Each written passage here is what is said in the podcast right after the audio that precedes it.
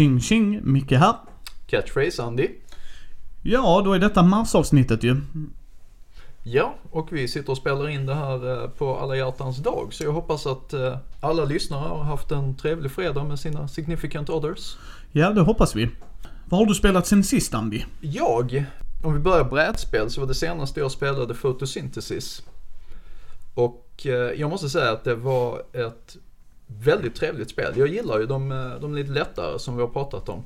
Och eh, det här spelet passar absolut in, in bland dem. Det är ett, eh, se, BGG klassifierades som ett action point mekanik. Det håller jag väl med om. Man eh, drar ihop action points men sen eh, är det mycket area control, känner jag. Mm. Konceptet är att man driver en liten plantskola med hjälp av sina action points så kan man köpa fröer.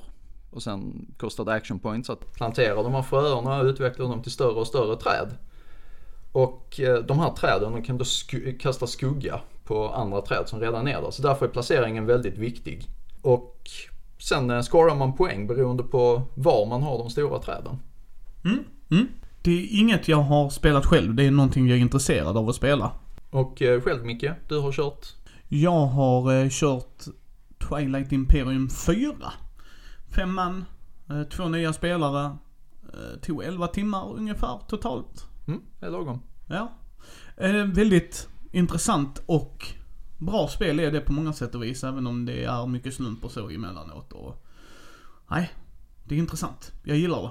Det, det är väldigt rymdepiskt. Man ska liksom ha eh, man har asymmetriska raser, man har eh, liksom olika startplaneter, det är lite politik, lite byteshandel, krig. Ja, nej, det är, det är ett bra spel. Är liksom tre gånger om året spel är det ju. Vill du kalla det Diplomacy Space? Mm, nej.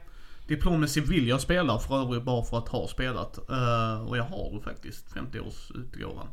Jag har fortfarande inte fått det till bordet, märkligt nog. Men nej, det vill jag nog inte säga. För du behöver ju inte kohandla här utan du kan vara med. Det kanske du kan vara diplomacy också, jag har inte den referenspunkten. Men eh, det är ett av de spelen jag spelat i sist. Ja. Uh, har du kört några rollspel då? Ja, jag har spelat Fresco också, förlåt mig, om inte du hade mer brädspel. Um, som var väldigt light. Uh, väldigt intressanta mekaniker, det är från Queens Games. Uh, Twilight Imperium är för övrigt från FFG, Fantasy Flight Games.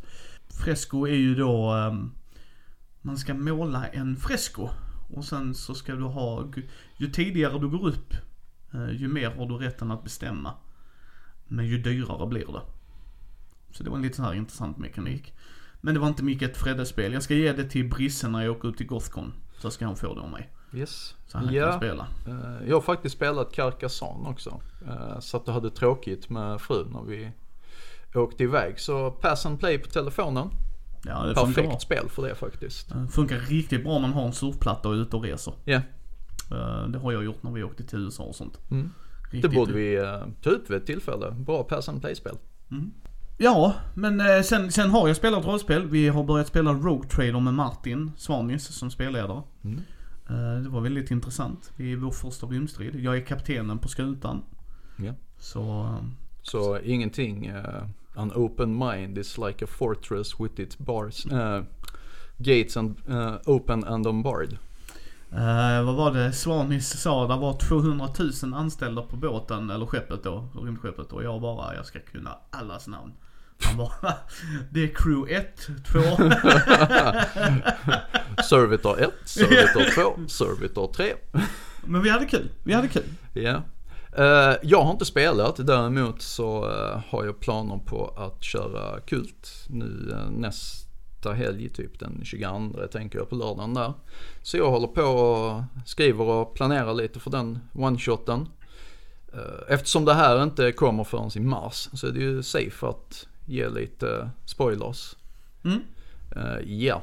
Grundtanken här är att spelarna kommer att vara barn pratar... Uh, eh, jag, jag håller på och läser om det. Så kraftigt inspirerad därifrån. Eh, så ja, barn, eh, spela, barnen, mm. spelarna kommer att vara mellan 10 och 12 år gamla. Och eh, av misstag trilla igenom illusionen ja, ja, ja, ja. Så ja, det kommer bli lite Terror on Elm Street, kommer bli lite det. Eh, förhoppningsvis så får jag dem tillräckligt förvirrade att inte riktigt veta vad det är som håller på att hända. Mm. Det är så jag gillar att spela det. Men spännande, spännande. Så. Nu ska vi prata om lite exempel i brädspel. Och vad menar vi med det? Ja, vi tänker väl på exempel i regelböckerna, förklarande exempel som sagt. Mm, precis. Vad tycker vi om det? Om vi börjar där Andy, vad tycker du om exempel i regelboken? Livsnödvändigt. Ja. Så. Så, nu är vi färdiga. Ja. Eh, vi hörs nästa månad. Ja. Eh, nej, jag skulle säga, jag håller med dig. Jag skulle ju säga ju, precis som vi sa lite off mic, ju tyngre spelet är eller ju mer, och nu säger vi inte Ju att regel, ju, ju, ja, ju mer komplexa regler Ja. det är ju mer viktigare blir det. Precis, ju viktigare blir det. Eh, är det ett lätt spel? Okej, absolut. Då. Men även där ibland märker Alltså jag... man, ja, man måste ju vara lite objektiv här och utgå ifrån att, alltså när du plockar upp regelboken så har du inte spelat spelet innan. Första gången du plockar upp regelboken så lär du inte ha spelat innan. Eh, det, det är sanning med modifikation, jag vet. Eh, många av oss spelar med en polare och sen wow det här var kul, jag går och köper det. Men om vi utgår ifrån att folk inte har spelat spelet innan. Så det första de gör är läser reglerna och då, då behöver de, även om vi, vi har spelat mycket mycket. Ja men även om jag har spelat mycket så återigen, bara för att jag har spelat draftspel innan och de lägger en ny twist på det så kan de behöva förtydliga det för mig även. Exakt. Eh, så är det ju, så är det ju. Ja, hur, hur vill du dina exempel, hur ska, hur ska de dyka upp? Ska de vara precis efter de gått igenom regeln? Alltså, förstår du hur jag tänker? Ja, ja, jag förstår. vara? Jag, vet exakt vad du menar. Eh, Jag tror att det är lite olika faktiskt. Eh, Och det har också med komplexiteten att göra. Är det situationstecken enklare spel så tror jag att en eh, exempelrunda i slutet är allt jag behöver. Där man ser nu placerar Nisse så och sen så är det den här lilla rutan då som knyter an till reglerna. En liten fotnot med page bla bla bla. Och Lisa placerar så. Mm. Jag vill gärna ha det efter regeln. Och jag vill gärna ha med bilder. Ja, det är en svår regel. Är det inte en svår ja, regel? ja alltså nu, nu tänker jag, jag tänker det som ett seriealbum när jag säger så. Ja. Ja. Verkligen. Eh, det behövs inte alltid, det beror på helt Nej, det, det beror på som Ja. sagt. Men jag vill gärna ha det efter regelförklaringen. Ja, en liten fotnot direkt Precis, i samband med precis. reglerna. Ja. Eh, och jag vill gärna ha det som ett exempel. Inte... Och vad vi menar med det här är att du tar Nej, och en, leker... inte ett förklarande, ett exempel. Alltså, när, de, när, när de skriver en regel så förklarar man regeln, eller hur? Så här Ja. är regeln. Lägger man sen en förklaring på den, vi tänker så här, tolka så. Jag är inte dum i huvudet, konstruktörs pip.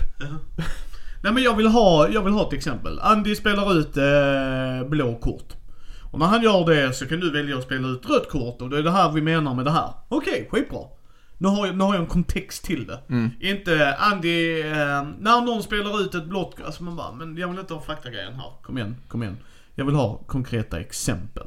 Känner jag. Mm. Alltså det, det underlättar för mig när jag sitter och bläddrar i en regelbok. Ja, jag tycker att det är, jag är ju tung Eurogamer at heart, Andy vet jag. Mm. Och där kan jag säga, Vladic Chovanto borde få skämmas. Han har exempel. Ja, för, Men han har ja, bara exempel. Nej, han har det på liksom såhär fun-loving. Haha! Ja. Och det, det kan man ha.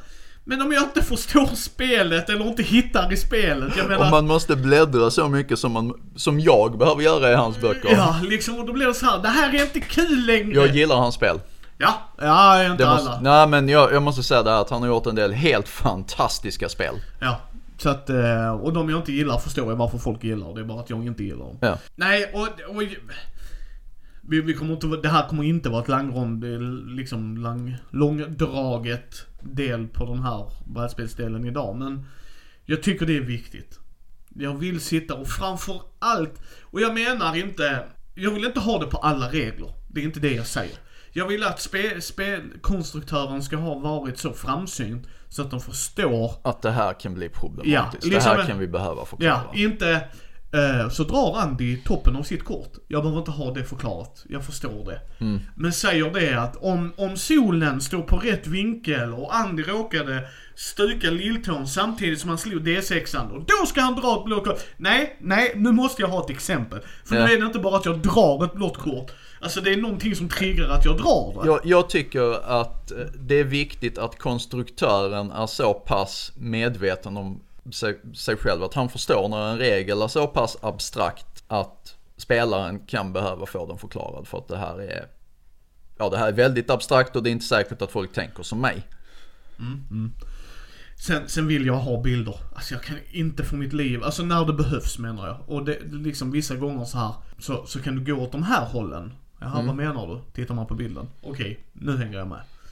Eh, det gillar jag. Det gillar jag. Nej, för mig är det jätteviktigt att ha en regelbok exempel. Och ju tyngre den är. Alltså det är det. Ju Ja. tyngre den är, ju Ja. mer skulle jag vilja säga. Alltså framförallt om man liksom vet om att den här kan nog tolkas på tre sätt. Och på de tre sätten så blir det jätteannorlunda spel. Alltså att om du tolkar det på A, då blir det ett helt annat spel. Och Ja. tolkar du på B, då woo! Och sen C, då är Ja. det, alltså. Och så, så är det va. Och då måste vi vara ärliga med det att vi måste ha Liksom, jag, förlåt, Mm. för mig själv, jag måste ha exempel där. Ja, grejen är den här som du sa med tolkningar. Eh, Det hjälper ju inte. I, idag har vi ju lyx när vi ska lära oss regler. Vi sätter oss och tittar på playthroughs och Ja. how to plays och actual plays och så här. Men om de har tolkat en regel på ett annat sätt än vad jag gör när jag läser boken, ja då blir det fortfarande fel. Så där måste det finnas, eh, som Micke säger, tydliga exempel. Ja, och vissa spel gör det bättre, vissa gör det sämre. Uh, vissa gånger så tror jag inte att spelkonstruktören, och det märker man om spelkonstruktören har gjort ett spel och det är kickstartat. Det kan jag faktiskt helt ärligt säga, du kan se det nästan. Så bara, ah du, ja men det är ju självklart, jag har spelat spelet 628 gånger. Jättebra, jag har dock inte gjort det. Liksom, nu, nu ska jag lära Andy spelet om jag sitter med regelboken. Um, vad heter det? Batman Gotham City Chronicles. Den regelboken ska ju brännas. För de ja, så, så fungerar det så här. Inget exempel någonstans kan jag inte få förtydligat. Jo, vi förtydligar så här. Det här förtydligar inte för mig överhuvudtaget. Jag har ingen aning om vad som händer. Nej men som sagt, alltså i, i den regelboken så blir jag bara förbannad. Jag måste ha tydliga exempel. Vad menar ni? Ja, Och- Eh, och- och med bilder helst. Ja. Sen kan man ha en FAQ och sånt, absolut. Det köper jag. Om man upptäckte, oj vi trodde denna var basisk. Det var inte det. Fine. Jag, jag har inga problem med FAQ och så, liksom sådär i allmänhet. Men då ska det ha typ spelats 368 gånger. Alltså du vet såhär, efter ett år de har tagit in informationen. Här var det mer eller mindre FAQ direkt och de bara mm, då, Why? Ja, Seriöst? Så den, den- den, funkar dåligt helt enkelt. Ja, men det- får jag ta exempel som funkar bra? Ja, kör. men som kanske är lite överdrivna. Det är spel som förser en med tutorials. Det är ju nog den bästa typen av exempel. Jag kan komma på två spel som verkligen gör det. Ta Magic the Gathering. När man, i alla fall under en period, när man plockade upp en starterdäck med två färger, så låg den sorterad. Det kan jag inte säga om det är nu, men Nej men det, det, jag tror det är nog en åtta år sedan jag rörde en sån sist. Där låg eh, de översta korten sorterade. ja. Och, och det stod tydligt att spela detta, svara med detta. Och sen så var det för att, för att, för att, för att. Och sen när man hade spelat igenom de här första korten så, eh, så fortsatte man vanligt spel. Men då hade man redan fått lära sig alla reglerna man behövde för leken. Ja, ja. Tillsammans med sin motspelare. Det var, det var, det var verkligen super tutorial.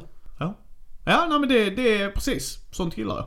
Sånt har jag inga problem i spel, bara de gör det jättetydligt i regelboken. Så jag bara, eh, observera innan du gör någonting med komponenterna, blanda inte A-högen och B-högen. För vissa gör ju det först, Ja. man bara, aj då, det skulle vi inte gjort. Det är precis som att skriva ett prov utan att läsa, läsa alla frågorna först. Don't do that kids.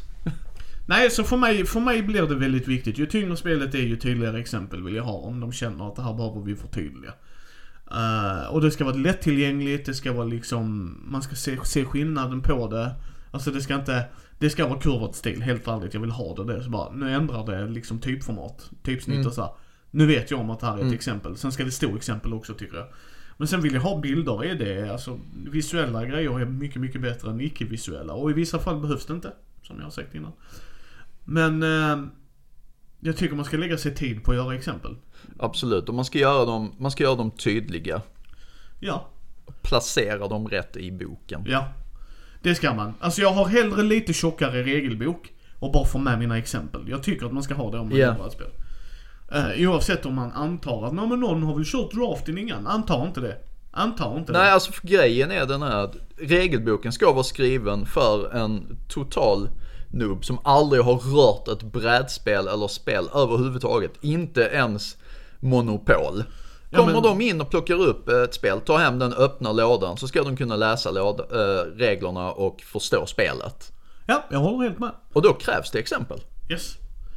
Så att det, det är lite kortare del i programmet idag men vi vill ändå ta upp det. Jag tycker det är väldigt viktigt i brädspel. Sen är det ett partyspel, alltså återigen. Där också. Jag ska säga det hänger på regeln. Vissa, vissa skriver regeln tydligt och då är det väldigt subjektivt om man förstår den eller inte. Det köper jag. Eh, Men så fort, jag personligen hade nog tänkt, så fort det är minsta antydan när man gör speltesterna, att de inte förstår det. Det är kanske där du ska ha liksom ett exempel då. Jag säger inte att det måste vara så, man kan skriva om regeln med och upptäcka att de ställer aldrig frågan igen. Det är ju mycket bättre. Eh, så är det ju. Och sen har jag ju spelat mycket brädspel så jag vet att det är mitt bagage. Men även jag och Fredde sitter och tittar. Hur menar de här? Är det A vi ska göra? Nu ljuger Micke när han säger att jag och Fredde tittar. Det betyder Fredde tittar och sen så... Nej men Fredde kan ju visa mig. Alltså helt Ja, ja, ja, ja. Ja men liksom Fredde tittar först, den visar han mig regelboken. Jag bara jävlas med dig Micke, det vet du om. Ja, nej men jag menar det blir ju det liksom när han inte kan tolka det. När han sitter och bara äh, det här kan menas A och B. Visar mig det och jag bara Det stämmer. Det kan ju vara A eller B. Det blir ju rätt avgörande vilken typ av spel vi spelar. Och vi är typ såhär, du vet en, en tredjedel in i spelet. Påverkar det de två, tre, de sista tredjedelarna. Då blir det ju rätt avgörande vad, jag, vad vi säger i detta läget. Eh, och det kan ju också grejen vara liksom intrycket man får från första början ju. Så bara, nej det funkar ju inte, det här var ju inte kul spel. Så kommer någon, ni spelar det fel. Man bara, ah! Ah! Mm. Som första gången jag skulle lära mig eh, Arkham Horror, förra versionen. Det här med att flytta eh, sin fokus. Ja. Nej, jag kan flytta varje pinne så här många steg. Shit vad powerful jag är. Nej. Welcome to Flip and Right-spelet. Där eh, sa Matti, som lärde mig det från brädspel och sånt på Instagram, eh, att han fick titta på en ny tutorial. Brisse har pratat det om i topp 100-listan också. Liksom att, eh, nej jag, jag spelade fel. Och så när han satte när någon annan lärde ut det, han bara, jaha! Ja men så, så är det ju va. Om, om riktiga veteraner inte förstår regeln så måste det ju definitivt finnas ett exempel. Ja, och jag, eh, ja. Det är nog en grej jag ska lägga till när vi pratar med brädspelsskapare faktiskt. Hur tänker du på exempel? Mm, det är en fråga du kan börja ta upp där. Ja. Ja, men vad är era tankar? Vill ni ha exempel eller ni känner att ni klarar er utan det? Vad är era tankar? Hur vill ni att de ska se ut? Ja. Till exempel var Ja. i boken de är placerade. Och Precis. så vidare och så vidare. Så ja då.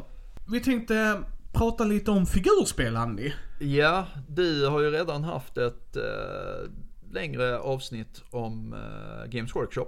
Ja, Games Workshops ett försvarstal. Det kan ni gå in och lyssna på. Det är en Ja. bubblare. Nej men jag tänkte vi kunde väl prata om figurspel. För du och jag har spelat figurspel. Ja, och absolut. kanske spelar figurspel nu, det vet vi inte. Eh, nej, jag kan faktiskt. Eh, och där måste jag väl säga olyckligtvis.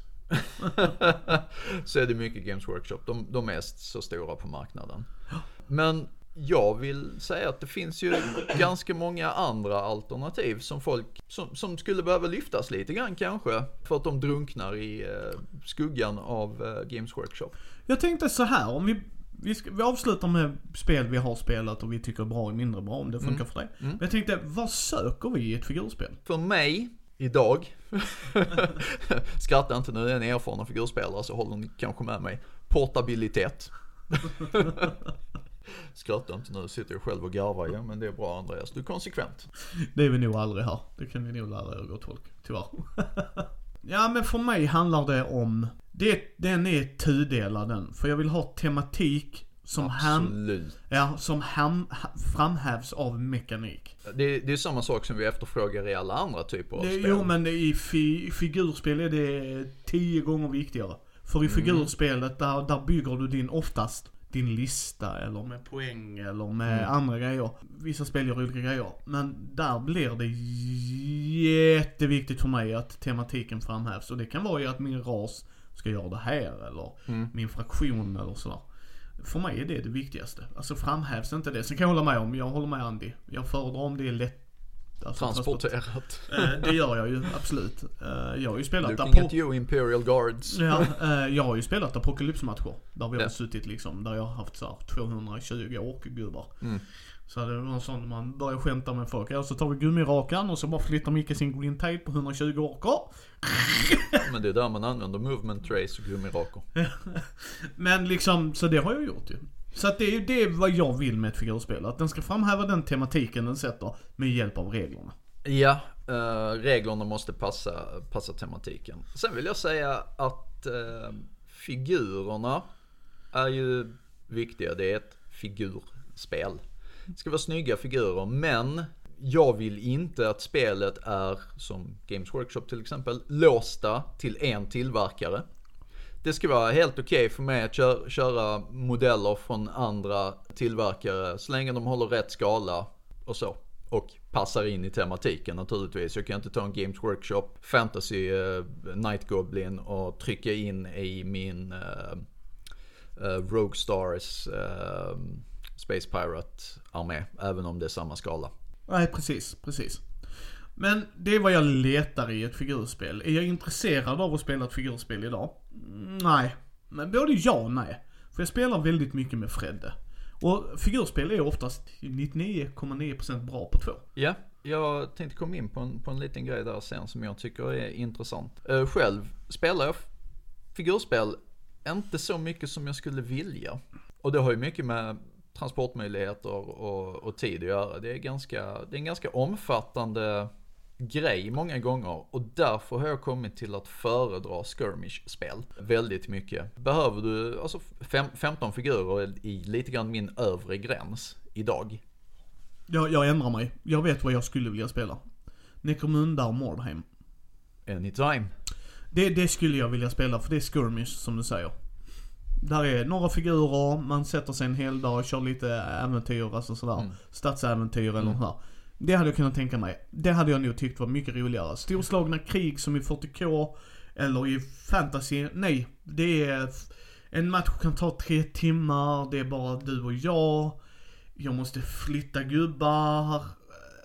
Varje gång man packar upp dem så Ja. får man packa upp limflaskan. Uh, Nja, precis. Men sen är det också en grej som stör mig med Games Workshop. Och har jag sagt så många gånger. Ah, du kör inte Space Marines? Nej, för det är de vi gullar med mest kändes det som alltid. När jag spelade. Var en grej varför jag rage-quittade liksom. Man bara, aha, du gör allting som jag gör fast bättre. Ja, vad ska i denna matchen bli? Jaha, ni är 90% som spelar den här. Åh, vad roligt! Och där upptäckte Micke att... Det är ju en sak som är viktig. Eh, Alla fraktioner måste vara balanserade. Det måste vara eh, ett jämnt playing field. Ja, och sen köper jag att det är vissa som är starkare mot andra. Ja, Det gör jag ja liksom. absolut. Det- Eh, det Men då har de förstå. andra svagheter som kan utnyttjas. Men liksom, eh, sen för mig i figurspel, det är hur bra figurerna går att limma. Hur de går att måla om man inte kör med färdigmålade. För jag räknar X-Wing och Armada som figurspel. Ja, men det, de är figurspel. Ja, för att de är, det är bara Så. att det är färdigmålade Ja, grejer. Och det, det spelar ingen roll om figurerna är rymdskepp, eh, båtar i ett eh, naval eh, spel eller eh, Space Marines eh, som kutar under. Det är figurspel ändå. Eh, vi, vi kan ju börja med det här. Definition av figurspel. Eh, du flyttar under figurer i terräng. Ja, och inte bara terräng behöver det kanske inte nödvändigtvis vara, men på en spelplan. Ja, där där men det- spelplanen varierar. Alltså att en spelplan kan vara en matta. Alltså ett Ja, digniterat ja. område. För vet, terräng är ett vitt begrepp för mig här. Ja. Nej alltså jag bara säger det så att folk vet vad jag menar liksom. För mig är det när du har en avbegränsad yta. Eh, och eh, liksom inte, och det kan vara på ett bräde. Alltså man har sådana figurspel. Det finns figurspel på bräden. Ja. Eh, det gör man inget, eller kartor eller något sånt. Så att, Gamla Battletech som hade sina hexagon-grids, det är fortfarande ett figurspel. precis. Likadant, eh, gamla Car Wars, Ja. det, det är ett figurspel. Ja okej, vi körde rundor med, med biten då. Men det är fortfarande ett figurspel. Jag tror... Nu har jag inte spelat det så att det får stå för Andy. Men jag tänker mig, där är ett spel jag skulle vilja prova. Det, vi har pratat om det innan vi började göra podd. Wasteland tror jag det heter. Det är att du kör på regelboken som är såhär, du vet, neutral regelbok så här, Och sen kör du med sådana leksaksbilar. Ja. Och jag har hur mycket bits som helst från 40K. Mm. Så bara limmar man på det Ja. och så, liksom du vet målar upp. Vi Ja. gjorde det till uh, GVs Dark Future också. Ja. Vi tog eh, de här, uh, vad heter de? Är det Hot Wheels du tänker på? Ja, till, till exempel Hot Wheels-bilarna. Det, det var bra skala och sen så limmade vi på missile launchers och Ja. skit och målade om och nej, det blev skithäftigt. Men Wasteland är en sån jag hade velat prova. Mm. Eh, just för att det ska vara så här. Eh, Åh, vad hette det gamla datorspelet när man, eh, Death Race, hette det det? Du vet när man skulle kötta motståndaren. Antingen vann du på att du körde först i mål eller att du mejade ner motståndaren. Äh, det, jag, jag körde ju uh, Road Rash där. Ja, Med samma sak med motorcyklar. ja. Nej men liksom det, det är Wasteland, det skulle jag vilja prova. Faktiskt. Det har Mm. jag sneglat på. Vi har pratat om det ett par gånger liksom sådär. Ja, Men, när vi pratar bilspel och sånt. Jag har ju gamla Crash. Ja. Och det är också den skalan. Eh, Så det är inga problem. Vill du eh, låna den regelboken och eh, gå ner till leksaksaffären, köpa lite, lite bilar och sen bara go nuts med, med bitslådan. Så det, det är kul. Det, det var ett kul spel. Ja, nej men det är liksom vad som, sådär om vi går igenom spel vi har spelat då. För jag Ja. tänker vi, det är liksom begrepp. Jag har spelat, om vi går på GV-grejerna. Jag räknar Blood Bowl som ett figurspel. Ja, men det är ett figurspel. Alltså det, det är ett figurspel. Ja, ni kan säga men det är ett brädspel. Nej, det är bara det att terrängen består av en spelbräda med rutor. Det är fortfarande ett figurspel. Precis, jag kan förstå om du bara köper själva startgrejen. Ja, Då blir det ett brädspel för mig. För att du, du gör inget annat med det. Men för mig blir det ett figurspel tack vare att jag bygger mitt lag. Och sen går jag från match till match. ja. Och jag bygger mitt lag. Alltså jag bokstavligt talat bygger den också. Det är inte att det är, den här figuren är redan klar. Utan lim, sitter och filar. Ja, ja, nu tittar du på... Alltså jag, jag, jag tänker ju de första Blood Bowl-spelen och det är inget snack om något annat än att de är figurspel. Eh, Nu, nu kommer jag få en massa från, "Nej, det är inte alls det, men det är det visst, det, håll käften. Nej men jag definierar det faktiskt som det. För att för mig var det en figurspel. Man körde liga och sånt. Eh, och ja, det råkade bara vara en bräda man spelar på. Men för mig var det inte ett brädspel. Alltså, som, som sagt, för mig det spelar ingen roll om det kommer en, en bräda i lådan du spelar på eller om du rullar ut en matta Ja, och sätter ut lite träd på. Det är same same. ja. Eh, men Blood Bowl gillade jag. Men det är också ett skirmish-spel. så- Yes, precis. För det var det jag gillade med det. Man går dit med ett lag och ja, sen spelar man. 40K gillar, alltså jag älskar ju Space Hawks. Alltså, Jag tyckte 40K var bra, sen blev det dåligt. Nej men liksom jag, jag har alltid haft en förkärlek till orkerna. För jag tyckte att det symboliserades jättebra där. Så jag är ju Space Hawks. Alltså det är, det, jag kan ju säga när de gjorde Conquest och eh, Warhammer Invasion kortspelen pratar jag om nu liksom till, eh, som FFG la ut. Kan jag spela orker? Jag är ju där. Alltså Ja, ja, men det, det är ju så att du gillar en viss faktion. Yes, ju inte- precis. Men, men det gjorde ju att i början att det var ju det som höll mig inne. Ja. Sen, sen hit, nej men det här funkar inte för mig. Jag blir bara mest irriterad, arg. Man möter med människor Det som... funkar dåligt för casual-spelare. Precis, tack! För det var det. Man mötte spelare som bara, nej men jag ska köra det hårdaste, hårdaste. Och så kommer Micke med flufflistan och så bara, jaha! Så jag är din... Eh, så att, eh, ja ja. Men Mm. då går jag och gör annat i tre timmar istället. Ja. Och, det, och det är det som har gjort det. Samma sak, jag körde ju orkor i eh, Warhammer Fantasy. Ja. Tyckte det var sin charm också. Och sen insåg man, jaha du har kavallerier, du kommer hela tiden charga mig från sidan. Ja, ja, men då lägger vi ner det här för det här var inte kul i heller. Hade du inga Wolf Riders och Boar Riders? Jo. Du, kunde, du hade bara behövt säga till. Jag, jag byggde min ork-armé som en fast attack-armé. Ja, men vad jag menar är att för mig blir det inte... Jag och Andy är casual gamer. Figurspel så är vi casual Ja, gamers, ja. ja, och jag tror det är där skirmish kommer in liksom. Att man spelar, man kan möta folk som kör hårt där, det säger jag inte. Men där kan vi nog styra det lite mer. Alltså, där kan du och jag, om vi säger att det är du, jag, Weber och Martin Svanelid, alltså Svanis. Ja. Ja, så kör vi ner kommunbär så köper vi varsitt lag. Ja, men då vet jag att ni kommer inte sitta och osta bara för att osta. Nej, Upptäcker du Andy, bara det här är det bästa och så inser du, ja fast de andra har inte kul. nej. Och då, Då har inte jag heller roligt. Då, då får jag spela två gånger och sen vill ingen spela med mig. nej men precis. Sen kan Ja. man göra en turnering där, alltså jag kan säga gott folk, i en turnering förstår jag det. Ja, ja men då, då är det tävlingsspel, då är det de premisserna från början. Eh, jag, jag vill säga det här att en sak som jag tycker är väldigt kul i många skirmish-spel är att man har den här utvecklingsbiten. Man, man tjänar XP så att ens, alltså man får en känsla för varje enskild figur, den blir en karaktär. Och den utvecklas. Det tycker jag är jättekul. Jag tyckte jag kan ta, nej, jag tar det som en anekdot sen faktiskt. Men det, det, det är som sagt eh, jätteskönt att, eh, att man kan göra det. Och det jag var inne på innan med att eh, kunna köra andra eh, figurer utan att någon liksom gnäller "Äh, det här är inte officiellt, du får inte lov att ha detta. Nej men det, det är viktigt. En annan sak som jag tycker är bra, det är om det skalar bra och då menar jag skalar bra i skala. Även om reglerna är skrivna för 28 mm eller 30 mm figurer. Om jag och min polare kommer överens om att alltså jag har pip, inte plats till mer hemma. Men kolla den här rangen med skitsnygga 15 mm figurer. Wow! Säger jag. Nu gillar jag 15 mm så det lite så. Då, då ska reglerna, kan reglerna skala ner till 15 på ett bra sätt så blir jag jättelycklig. Ja. Ja, nej, för mig, jag har ju spelat HeroClix. Mm. Det spelar vi riktigt hårt och där gjorde vi roliga listor. Ja, jag fastnade aldrig för det. Nej, nej, jag gillar det.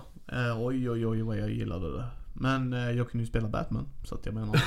det är ju inte så konstigt varför. De var inte de bästa figurerna, de blev lite bättre med senare tiden och sådär. Men där kunde vi göra hårda listor. Men vi gjorde dem fluffmässigt. Vi kunde fortfarande göra casual-listor, det var liksom inte det. Och det gjorde vi, medan vi kunde köra med så här riktigt. Jag kommer ihåg vi köpte figurer, jag köpte en för 30 dollar, 300 spänn. Han var ju lätt värt en Deathstroke, snygg figur. Eh, men det är det jag menar liksom, alltså att där, där körde vi, vi hade jättekul med det. För att då körde vi liksom uh, Injustice mot liksom Justice League. Mm. Då, då körde vi det, då var det det man gjorde liksom. Och vi har turnerat i det och uh, det, är, det är inte världens bästa figur, det är figurspel, det är det inte. Där är mycket, vissa gubbar är helt sinnessjukt mycket bättre än andra. Men vi körde ju det lite som det var liksom. Du hade Dr. Doom mot Fantastiska Fyran. Du vet vi Ja. körde ju liksom Ja, precis. Man, man följde det. Eller så hade vi såhär jättelöjligt att eh, vi kör så här mycket poäng och så kör vi bara Spindelmannen mot Alltså det är så här, man bara hmm, intressant. Han möter Ja. bara Stålmannen. Nu ska vi se hur det gick för honom. Jättedåligt, ja ja. Eller med typ sådär, alltså vi hade såna stora poängmatcher och sånt också. Så. Ja. Det, det, det är som sagt kul när man kan använda det på, på fler sätt än kanske konstruktören först tänkte. Sen har jag spelat X-Wing. X-Wing var inget för mig för att jag är inte ett superduper duper duper duper Star Wars-fan. Och eh, jag gillar mekaniken, alltså jag tyckte det var snyggt ut. Alltså detta, det var dogfighting med X-Wing, alltså Star Ja, Wars. jo, jo, jo. Ja. Nej men liksom, det, så det köper jag. Men för mig var ju inte temat det som drog mig in och då blev det så här. Och sen måste man köpa och då blir det så här samlargrej och då, Ja. då backar mycket ännu mer för att börjar jag köpa så vill jag ha allt. Det är därför jag inte har börjat med Star Wars Legion. Eh, Thomas, som är med i nyheterna bland annat, vår Ja. hederscrewmember. Shoutout till dig Thomas. Eh, han spelar ju Legion och tycker det är jättekul. Men han är ju också ett jättestort Star Wars-fan så Ja. det köper jag va. Ja, men men det, ja, det är också någonting som är viktigt i, eh, i figurspel. Tematiken är fantastiskt viktig där. Alltså det, jag, jag tror vi ja. överens om det. det Sälj, säljer inte temat mig så har jag jättesvårt att stanna för mycket. nej, nej, det är liksom då... Varför? Säljer inte temat mig så tycker jag inte figurerna är snygga, jag tycker inte konceptet är bra, jag tycker ju ingenting eh, funkar.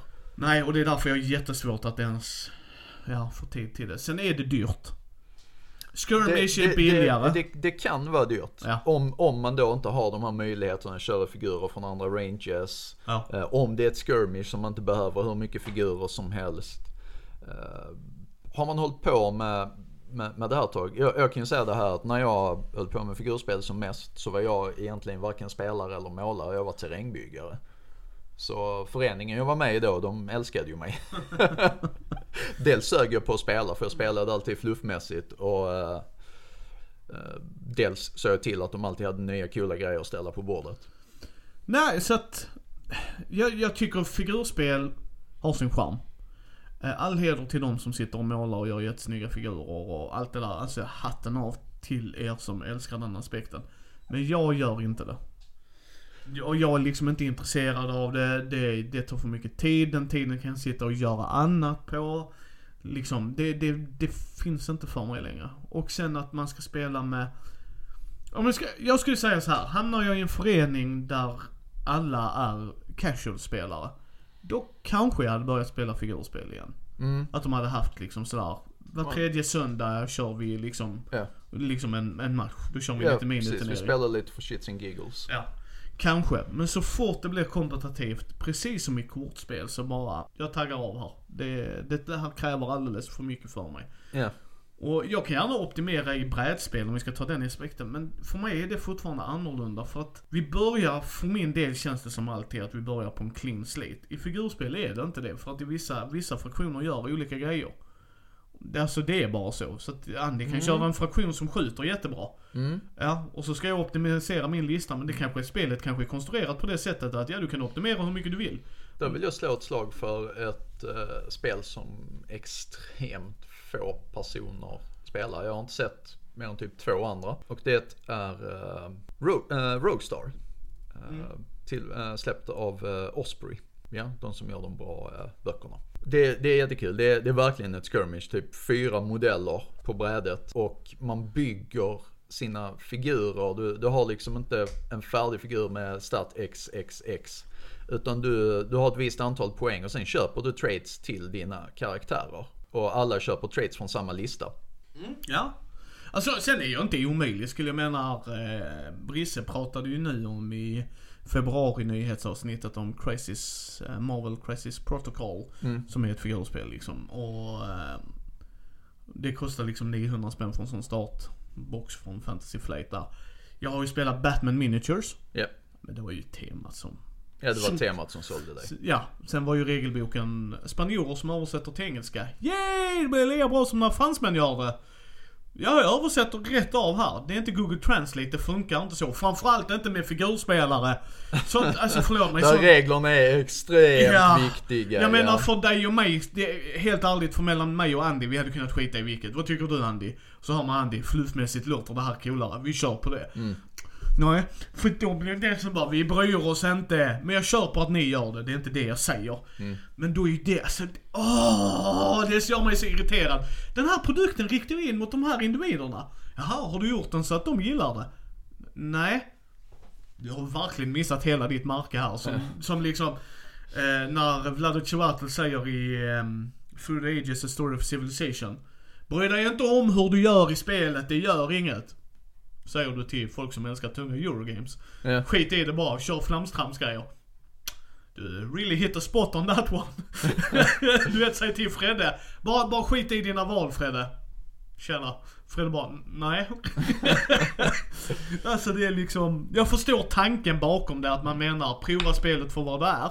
Men samtidigt förstår jag, du vet, är du tung Eurogamer så sitter du och blir irriterad. Hint. Figurspelare vill ha tydliga regler. Så att de inte står på en förening och slår ihjäl varandra med böckerna. Det står två millimeter, det står tre. Ja. Får, får jag dra en anekdot här? Ja, Eh, kör så här, på. som är, det, här, det här är GV-relaterat. Shoutout till Kryss. En eh, kompis från jättelänge sedan, föreningsmedlem då. Han eh, spelade, kommer inte ihåg vilken av med det var han spelade. Men han var en turnering på Sydkon många år sedan. Då turneringarna där faktiskt hade vikt i eh, figurspel Sverige. Han möter en, en Chaos-spelare. Det här är Fantasy Battle. Och eh, turnering, turneringen är ju WYSIWYG. Så, What, what you see is what you get. ja precis. Så att allting som finns i listan ska representeras på figuren. Och eh, det var någon sån här liten pissmagisk grej. Som han liksom inte hade skulptat på. Och eh, det gick bra för kryss. Så att hans eh, motståndare bara, nej, nej, alltså det, domaren, domaren, den figuren är inte laglig, det är inte WYSIWYG, nej, nej, nej, nej, nej, nej, nej, buhu, buhu. Cry, uh, cry my heart out. Det var verkligen en liten pissgrej. Och, och Chris försöker liksom bara, come on bro, hallå. Men det är bara, nej, nej, han stod på sig som fan och det är bara, nej men okej, jag, jag, jag backar då. Min figur är inte WYSIWYG, jättefint. Du sa att du spelade Chaos Undivided. Eller vad säger jag? Eh, en kornarmé. Bara, Ja, ja, ja. Det är bra, jag får titta här. Det baneret är Chaos Undivided, du får inte lov att ha den. Oh, ditt battle standard är också Chaos Undivided, du kan inte ha det. Killen backade. Skitsnabbt backade han. Ja. Men eh, jag tycker det är kul med figurspel ibland. Jag provar oftast om någon har grejer. Jag är inte omöjlig där. Men eh, Skirmish, ja, Necromunda, Mordheim, det är de grejerna jag hade kunnat tänka mig att testa att spela igen. Jag ska lura dig att spela um, både Crash och um, Rockstar. Ja, Wasteland. Jag, ska, oh, jag måste ta en titt på den uh, regelboken. Ja men det är våra tankar. Vad tycker ni om figurspel? Eh, jag, jag vill eh, bara säga en sak här. Alla ni som spelar figurspel som inte är Games Workshop, kan ni inte slänga upp i vår eh, Facebook tips till andra människor? Eh, ni kan bara vinna på det. Dels så får era spel exponering som ni kanske inte hade fått annars för att allting är Games Workshop, Games Workshop, Games Workshop. Eh, spelar ingen roll om det är skirmish-spel eller whatever. Kan, kan ni göra det? Eh, och liksom försöka sälja in era, era spel. Eh, så skulle det vara skitkul, för jag vet att det finns spel där ute som jag har missat, men som jag kanske skulle tycka var kul. Ja. Ja men släng, släng förslag.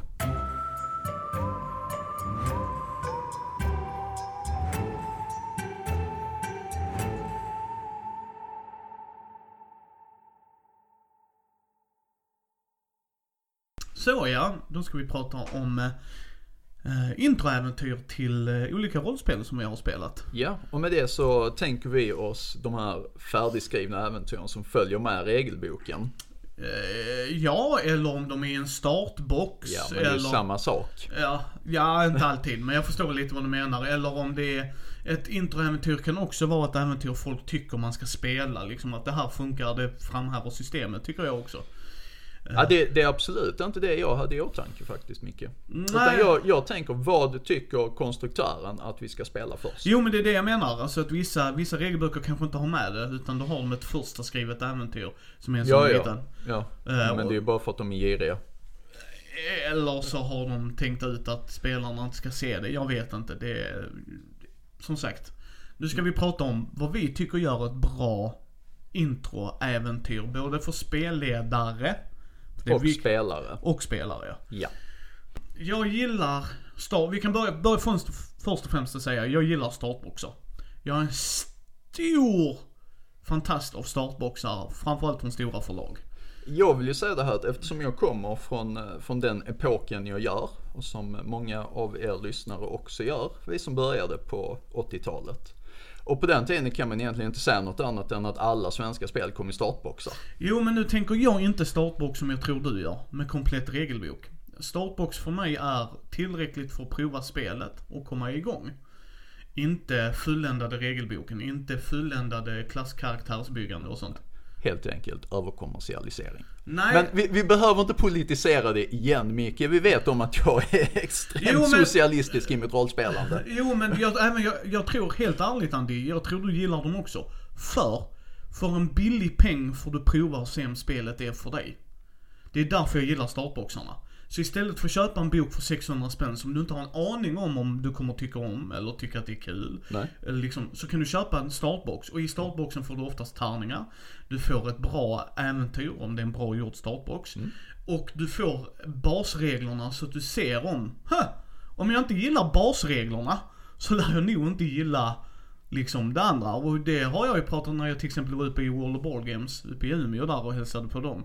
Så var det några som skulle prova att spela rollspel, ett gäng Ja, alltså jag, jag, jag, förstår precis vad du menar Micke. Vad jag säger är att de här startboxarna, det var så spelen såldes för.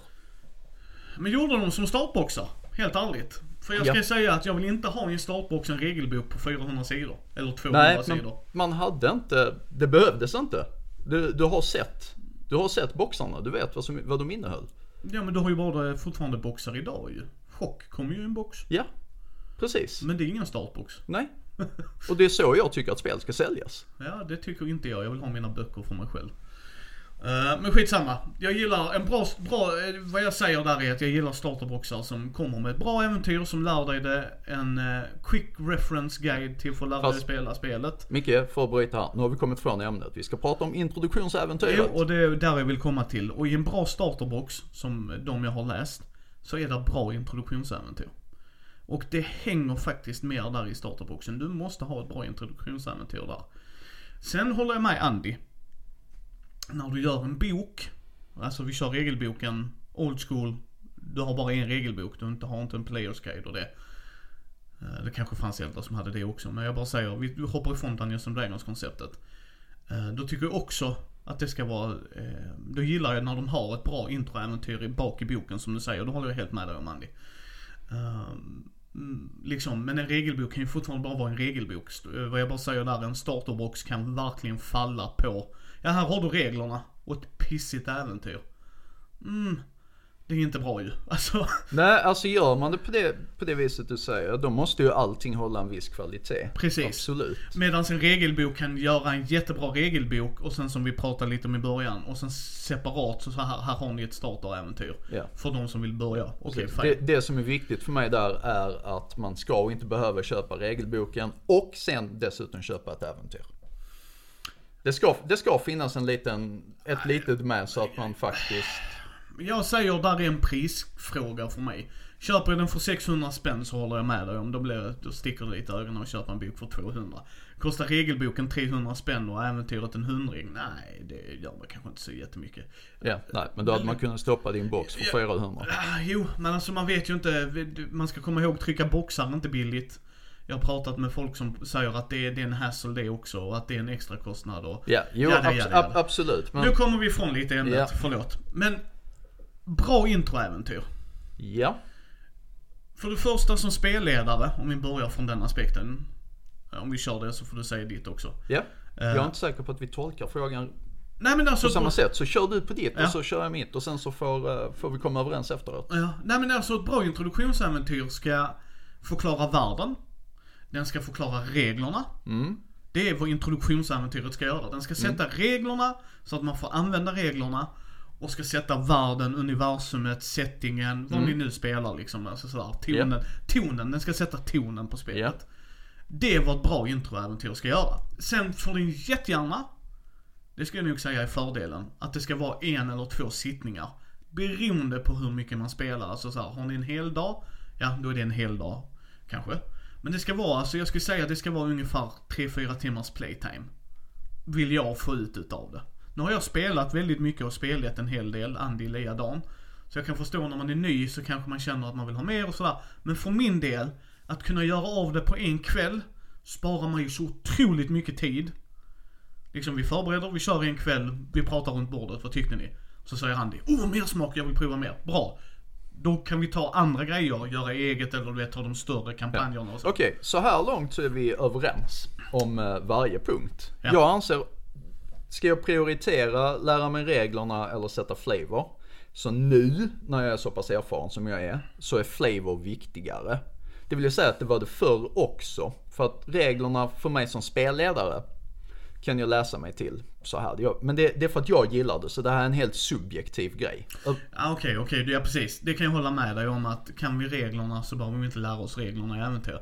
Men det är ju inte för oss äventyren riktas åt. Så jag håller med dig. För min del är det mer setting. Sen kan jag säga dig att jag uppskattar när, när man, vissa spel, oavsett hur duktiga de är på att förklara. Så blir det bättre när man får se det i ett äventyr också. Aha, Ja, men det, det är ju självklart. Allting man, det, det är ju simpel pedagogik. Oavsett vad du behöver lära dig så gör du någonting praktiskt så fastnar det bättre. Ja men det är det jag menar lite sådär. Eh, så att det är vad jag vill ha ut utav ett introäventyr. Ska vara på en sittning. Det ska ge mig settingen eller tonen då, liksom vad är det för typ av spel. Det ska ge mig reglerna, jag vill fortfarande ha det liksom hur de har tänkt sig. Även om jag kan tolka reglerna, även om jag kan, du vet, friforma liksom, ja den stryker vi, vi, vi, ska bara ha kul Ja. grejer. Så, så tänker jag mig, framförallt nu när vi sitter och gör en podd och jag gör videos med det. Så, så har jag blivit mycket mer, att ja, det här funkar för mig. Ja. Ska vi dela upp det subjektivt, eh, objektivt? Så att om du tar subjektivt för dig, för det, det är lite grann det vi har varit inne på nu. Och så tar jag subjektivt för mig och sen försöker vi vara objektiva. Ja men jag tror mitt subjektiva och mitt objektiva går hand i hand här. För även om jag inte använder reglerna så vill jag ändå se det i äventyret. För de har ju tänkt sig någonstans att reglerna ska vara med settingen. Så även om jag inte använder reglerna, som Andy säger, om jag tycker en regel känns, äh, nej. Uh, så vill jag ändå se hur de har tänkt sig den ska användas. Även om jag själv inte kommer använda den. Alltså förstår du? Det bara sätter tonen liksom i hand i... För jag menar, vi, ja, vi kan ta ett praktexempel här. Jag och Andy gillar inte, du får rätta mig om jag har fel, men jag Ja. får känslan av det. Jag och Andy gillar inte strid i rollspel. Vi hatar inte det. Alltså det kan ha absolut sin funktion, men vi älskar inte strid så mycket Ja, som... det, det får inte vara centraltemat. Det måste finnas konflikt och är konflikten eh, fysiskt våldsam eller psykiskt våldsam som i någon magiduell eller så, så, så är det okej. men det får inte vara main-fokuset. Om, om jag skulle säga så här, så jag tror du håller med där. Om Andy och jag skulle spela ett rollspel som aldrig hade haft strid, så tror inte jag du och jag hade gått därifrån. Fan vad jag saknar strid nödvändigtvis. Nej, Nej, Nej. det kanske, Vi är- vi kanske... vi är överens där. Ja, kanske, självklart. Det är beroende på vilket system. konflikt, konflikterna kan byggas på annat sätt. Ja. Spänningen kan byggas på annat sätt än att bara räkna hitpoints. Precis, men vad jag menar där är, märker jag att varje del i äventyret är, och så slåss de mot den här, och så slåss de mot den här, och så slåss de mot den här. Då tittar jag på, ah ni har räknat att man ska lösa konflikter med att slåss. Ja, och då, då har det ju satt flavorn. Precis, ja självklart det går hand i hand där. Ja. Helt rätt Andy. Men det är det jag menar, då vill jag ändå se det. Sen kan jag ju bara stryka det, så bara, ja okej om de vill slåss, då har jag något att vila på här. Det är ju skönt. Men om de inte vill slåss då, hur tänker du då Micke? Ja. Eh, Men där tänker jag ju, där, där blir ju min subjektivitet att jag kan ignorera det. Eh, och då tar jag ju nog rollspelet för settingen och inte reglerna. Men det har vi pratat om tidigare. Vi är så pass erfarna att idag, eller jag väljer spel mest efter setting. Du, du är mer eh, 50-50 eller 60-40 tror jag du sa då. Ja, alltså för mig, jag älskar ju att läsa. Jag, jag snittar ett rollspel i veckan ungefär. Beroende på hur stora de är. Lite, Indieflum går lite snabbare att läsa för att det är mindre sidor och dylikt. Och för mig handlar det om, jag vill ju ha ett rollspel där setting och regelbok går hand i hand. Reglerna måste passa Ja. settingen. Men än, än en gång Micke, vi, vi har inte, det, det blev lite konstig inspelning förra gången. Vi har inte snackat så mycket i veck, månaden. Det märks för vi, Ja. vi riffar mycket det, det är trevligt. Men Ja, ämnet men- men vad jag- först så jag- riffar vi sen. Ja, men vad jag menar där är att jag vill ju se det när jag läser introäventyret. Jag vill se hur de har tänkt reglerna ska fungera och det gör jag subjektivt och objektivt, det vill jag göra. Och för mig är ett bra introäventyr, oavsett om det är i en startbox eller i bak i boken, så ska de gå igenom med enkla steg. Så här är tanken.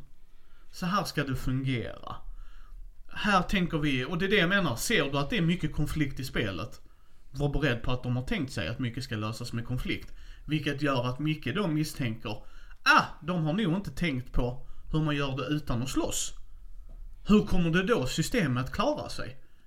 För får vi sitta och prata med varandra, okej Andy, du vill göra det här. Vilken är din grundegenskap tycker du passar bäst? Har du en färdighet som kan hjälpa? Då blir det lite så här, det är ett bra skrivet äventyr. Vi kommer in på det liksom. Men liksom där kan de ju ha, eh, du löser en konflikt på A, B eller C. Så vi har A, för att de räknar med att folk gillar puncha grejer. Det är inte dumt att räkna så, för att det är väl kanske så nybörjare spelar, jag vet inte. Unga nybörjare. Ja men liksom, eh, men, men jag menar det kan vara en grej. Men sen har de då B. Det vill säga ska Andy övertala individen. Då har de de här, då har han den här grundegenskapen eller det här färdighetsvärdet. Som är då en motståndsslag mot Andys. Okej jättebra, då har ni tänkt på det. Och skulle de då välja att smyga in och inte ta en konflikt. Så har de de här värdena och då ser jag liksom, ah de har ändå tänkt tripp, trapp, trull. Och ett spel behöver inte tänka tripp, trapp, trull om det är bara tänkt att det ska vara hack and slash. Nej. Liksom, då, då är det ju uppenbart att jag sitter och läser ett hack and slash spel. Ja, jag, jag, jag förstår precis vad du menar där. Eh, och än en gång, vi, vi är kanske för erfarna. eh, som inte behöver ha det uppstyltat. Eh, om du förstår vad jag menar. Men jag, jag tycker absolut det hade varit en jättebra grej. För vad jag vill se är att det följer, säg att man har haft en massa exempel i regelboken. Då kan man luta sig mot dem. Men då får det gärna synas lite grann i, det får vara väldigt tydligt i äventyret att, ja okej, det här regeln gäller och det hade vi ett exempel på där. Så, så man lär sig det här. Och då kanske, nej men alltså var, varför ska det inte ge förslag till spelledaren på hur, eh, på olika lösningar på konflikten? Det, det är jättebra i ett introäventyr, det har du helt rätt i. Alltså jag kan säga så här, det är helt och hållet, jag, jag säger detta som när jag sa till Fredde liksom att För mig när jag sätter mig med en rollspelsbok, jag har mina preferenser gott folk. Vad jag gillar att spela och inte spela. Jag har börjat utmana mig själv, vi ska spela mer indie, både du och jag ska spela Ja. tillsammans och med tisdagsgruppen. Jag ska gå in på indie-rummet på Gothcon och spela med Wilhelm Persson då från Wilhelm Games förhoppningsvis. Eh, liksom för att jag vill bredda min syn, jag vill gå in i OSR-rummet av samma anledning, bara för att se det från en helt annan sida. Så klart jag har mina preferenser.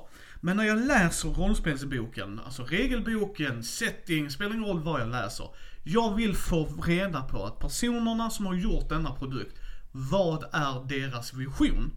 Är deras vision att vi ska ha ett Indiana Jones-pulpigt äventyr, då ska det framgå. Även om Ja. jag ser, alltså du vet jag kan ju få en omslagsbild eh, på framsidan så här liksom. Ja. Tänker jag, du jag bara, ah Indiana Jones. Och sen så förmedlar inte boken det till mig. Och det, det är det jag vill säga också. Det enda för min del som skulle göra ett introäventyr dåligt, det är om det är missvisande. Ja men precis, precis. Eller, ja det skulle jag säga. E- Eller så tänker jag mig också som skulle göra det dåligt. Ja men det är precis missanvisande för att de missar bollen bara. Ja, alltså det, det, det förmedlar inte vad det ska förmedla. Det stämmer inte överens med, eh, med boxen, med reglerna, med, med det man förväntar sig. Ja nej, men precis. Om vi säger att vi läser eh, regelboken och det är ett pulpäventyr. Ja. Ja det är det vi läser och sen Ja. helt plötsligt så blir det... Så eh, inser vi att det är ett politiskt intrigeäventyr. Och, och då, jag- då hade jag precis som du bara, eh, det här ska inte vara ett introäventyr. Får gärna vara ett äventyr för de som vill ha det och letar Absolut, efter det. absolut. Men när jag tänker mig introäventyr så är det, det här är tanken bakom de som har gjort spelet. Ja. Nu ska jag ge dig ett pulpäventyr för att det här är ett pump Pulpspel, ja. Här är ett krypande skräckisk nordisk sak. Här Ja. får du det. Ja. Ehm, sådär. Så det är vad jag vill ha av ett introspel.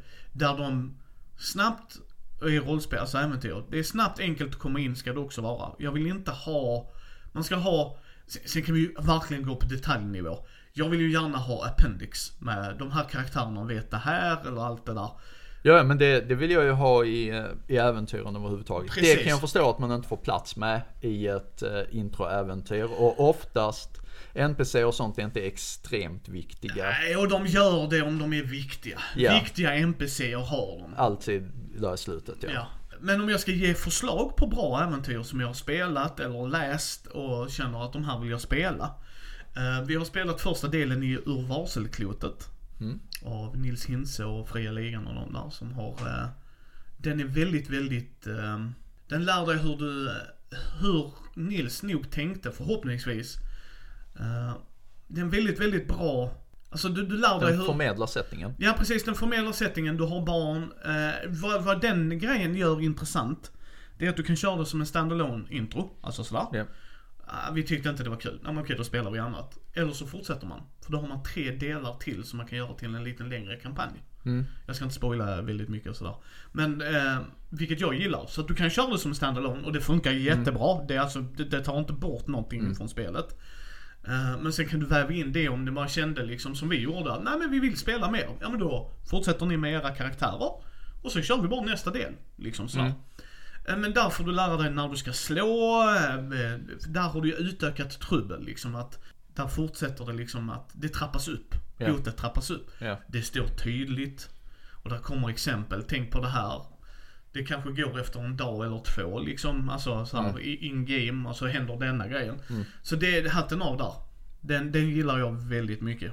Eh, lätt att läsa. 10 sidor totalt. Eh, I deras äventyr överlag till varselklotet.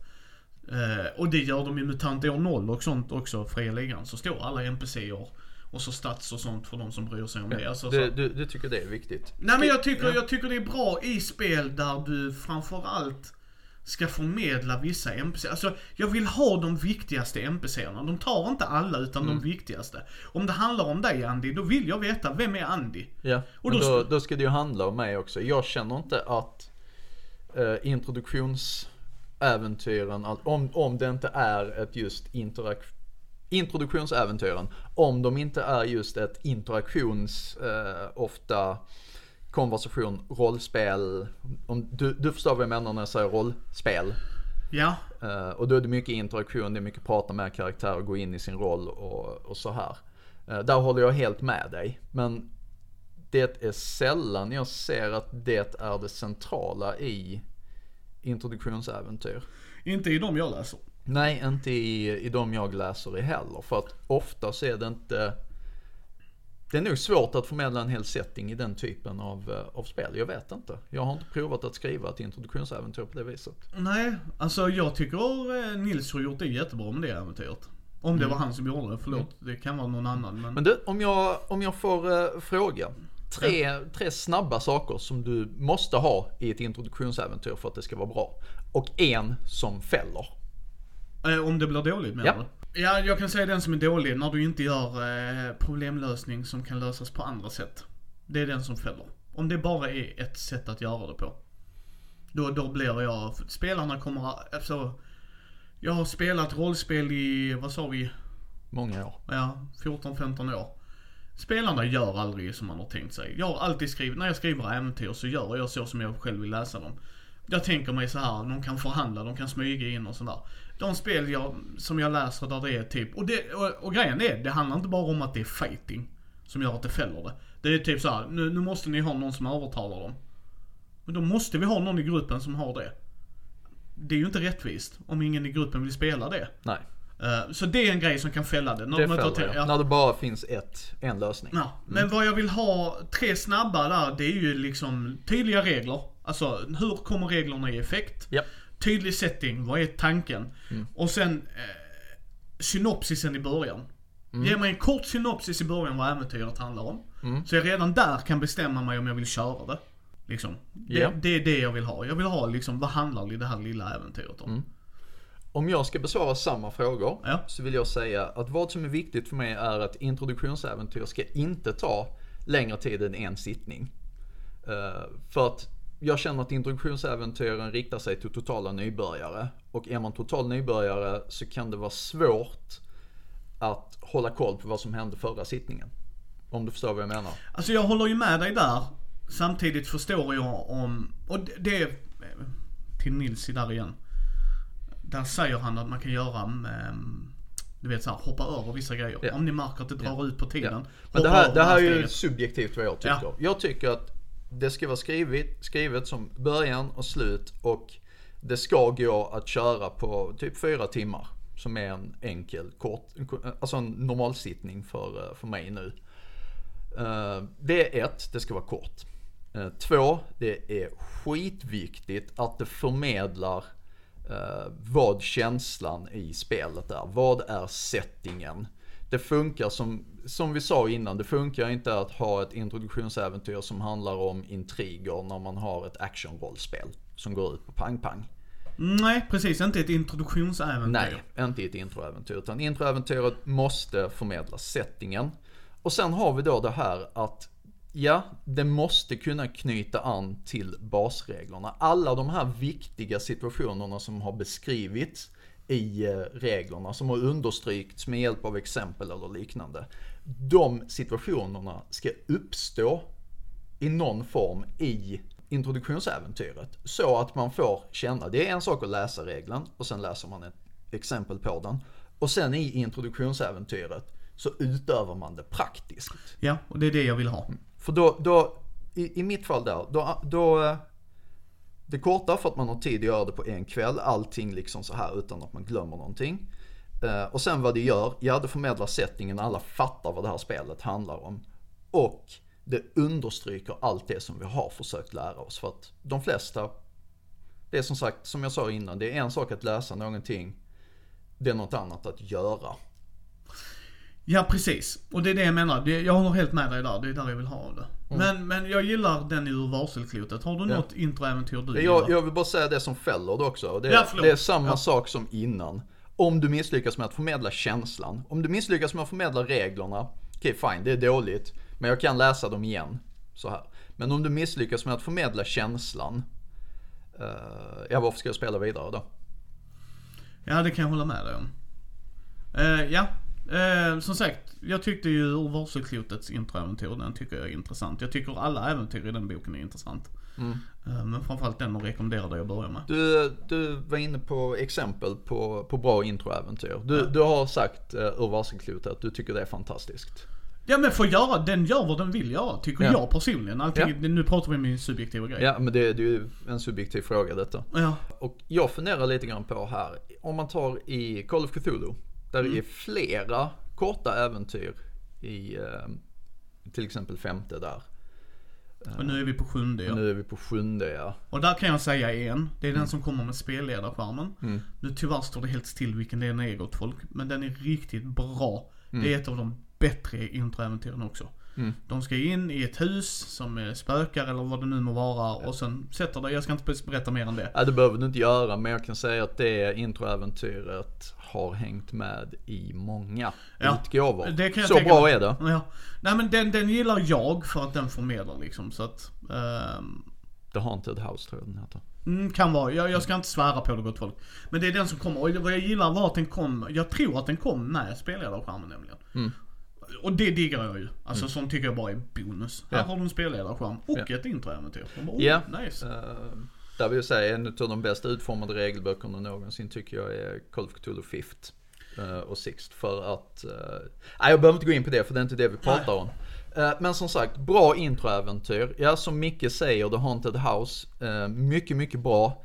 Eh, reglerna kommer igenom, både stridsregler, eh, där är den undersökande delen som är viktig, central i Call of Cthulhu. Och eh, mytosen touchar man på, magireglerna kommer in. Och Sanity. Och, ja, och sanity Ja. för hela tiden så här. Så att ja, den, den förmedlar känslan och den belyser alla de key points som finns i det spelet. Så det, det är ett jättebra exempel. Eh, och sen funderar jag på ehm, ett väldigt, väldigt gammalt, jag vet inte hur många av er som kommer ihåg detta, men Skelettbyns hemlighet till uh, Drakar och Demoner. Ingen jag har spelat. Nej. Så att, Eh, det också, det är kort.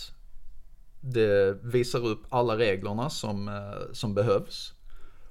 Och eh, det förmedlar den här high fantasy-känslan på ett väldigt mysigt sätt. Så att det är också ett eh, jättebra exempel på introduktionsäventyr för mig. mm. Jag skulle säga Lost Minds of Fandalin. Fandelver, förlåt. Fandelver eller vad den heter där. Eh, till Dungeons and Dragons 5th edition som kommer i starterboxen. Mm. För den andra heter Essential Kit. Precis. Eh, den, det är ett bra äventyr. Det är inte under en sittning. Det är det inte. Men det är Dungeons and Dragons så det är... Jag har jättesvårt att se att du ska bara sitta med det i en sittning. Det har jag sagt. Det är ett system jag inte riktigt gillar att köra one-offs i överlag. Men den, det är ett bra introduktionsäventyr för att den, den, eh, den räknar ut hur du levlar och sånt. Sen gillar jag Essential Kit mer.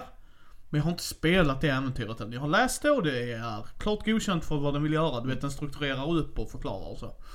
Om vi ska börja avrunda just detta lite så vill jag säga att jag har inte stött på ett dåligt introäventyr bland alla de jag har läst. För att eh, jag måste säga att de som har eh, haft med dem har lyckats.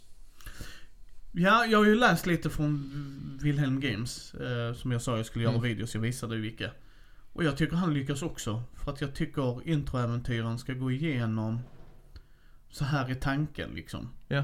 Så det håller jag med dig om. Och jag tycker Krank gör jävligt bra där också i Ja. sina. Hatten av till dig eh, Mikael Bergström också.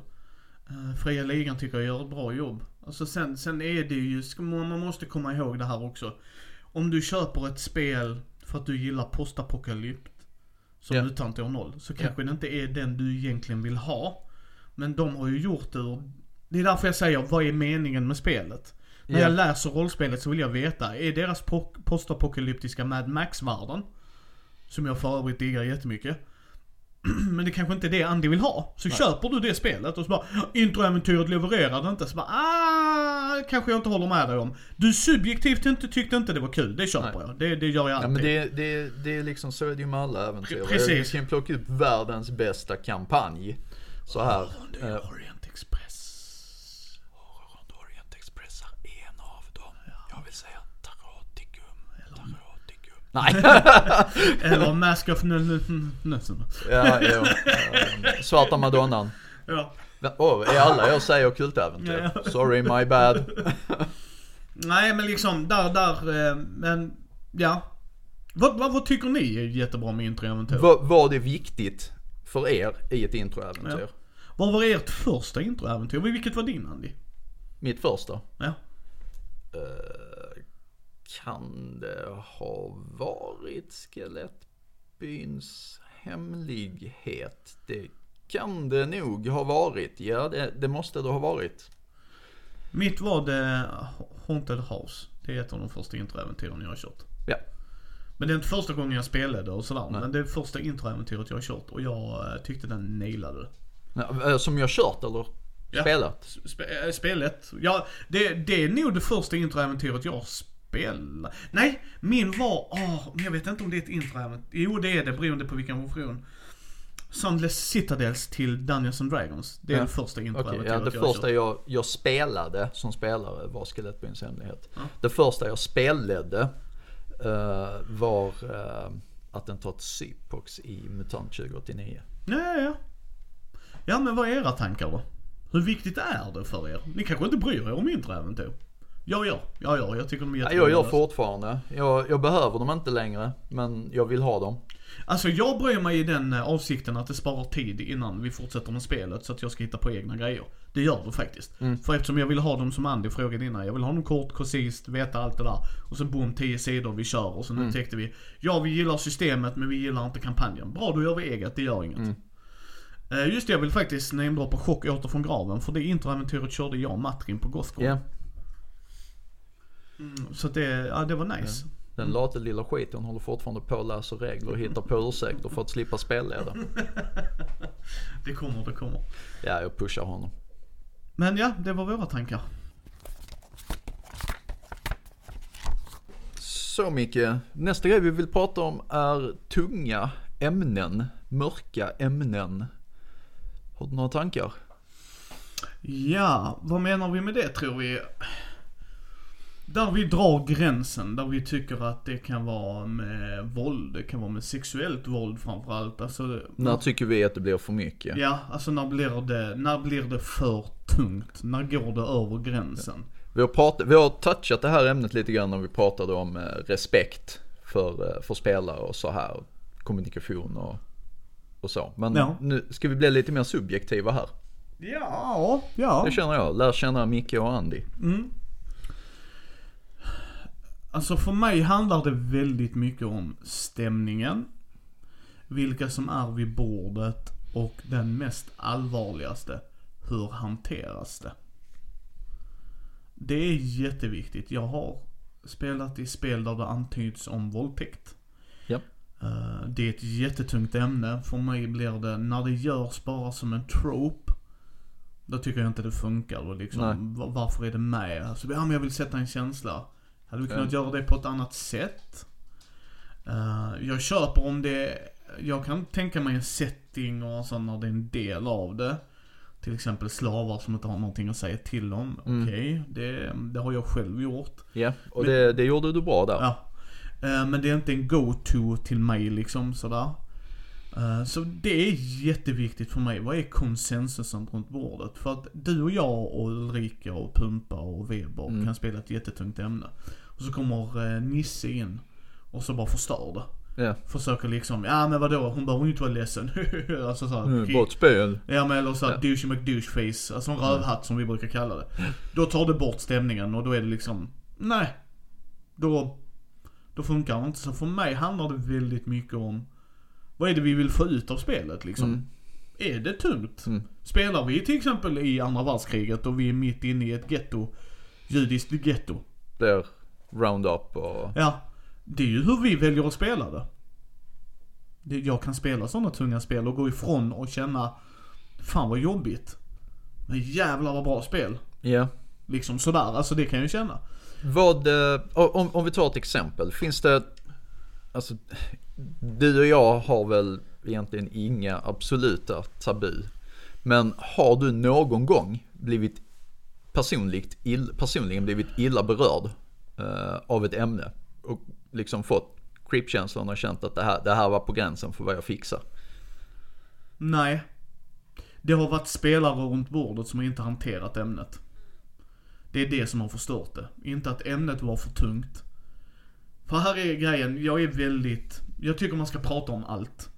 Och jag kan förstå när tjejer och kvinnor säger att eh, folk använder våldtäkt som en maktutövning och alla deras vettiga argument som jag tycker faktiskt det är. För att jag är man, det är väldigt få gånger i en tv-serie eller en bok jag ser en man bli våldtagen. Alltså som ett maktutövning. Till exempel. Nu- En gång jag kan komma på. Eh, jag kan inte komma- American Citizen X. Okej. Okej. Nej, American History Ja, X. ja. den. Liksom, jag bara säger så jag kan förstå den tropen, alltså att, det, för det blir en trope. Nu ska jag Ja. visa hur försvarslös den här kvinnan är till exempel. Så nu ska hon bli våldtagen. Man bara, why? Kan, vi Ja. inte, kan vi inte visa det på ett annat sätt? Det är lite så här, ja. Mm. Mm.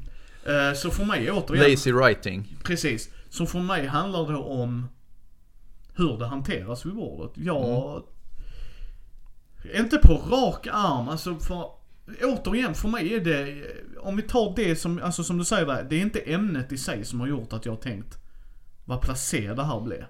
Utan det är de runt bordet. Vissa kan jag också säga, det är inte bara för att de har varit rövhattar, det är för att vi har inte kommunicerat tillräckligt bra. Så att jag är beredd på en grej, spelledaren är beredd på en grej och den tredje parten är inte det. Blir obekväm, vad gör man? En försvarsmekanism för vissa är att skämta bort det. Mm. Alltså det är bara, vissa Mm. har det som en mekanik liksom och de är, och de gör inte bra skämt utan det är bara en, nu, nu hanterar jag en dålig grej. Så nu skämtar jag, bara, kan vi lägga ner liksom? Och då, då har det ju fallit platt. Mm. Men inte för att jag känner, wow, här går vi inte. Nej. Alltså när vi pratade om respekt kring bordet så pratade vi om att om man blev illa berörd av någonting och man skulle ta upp det med spelledaren efteråt med, med gruppen. Först med spelledaren och sen med gruppen kanske. Du har aldrig varit i den situationen att du har behövt göra det? Som spelledare menar du? Säga? Nej, som spelare först. Nej, tror inte det.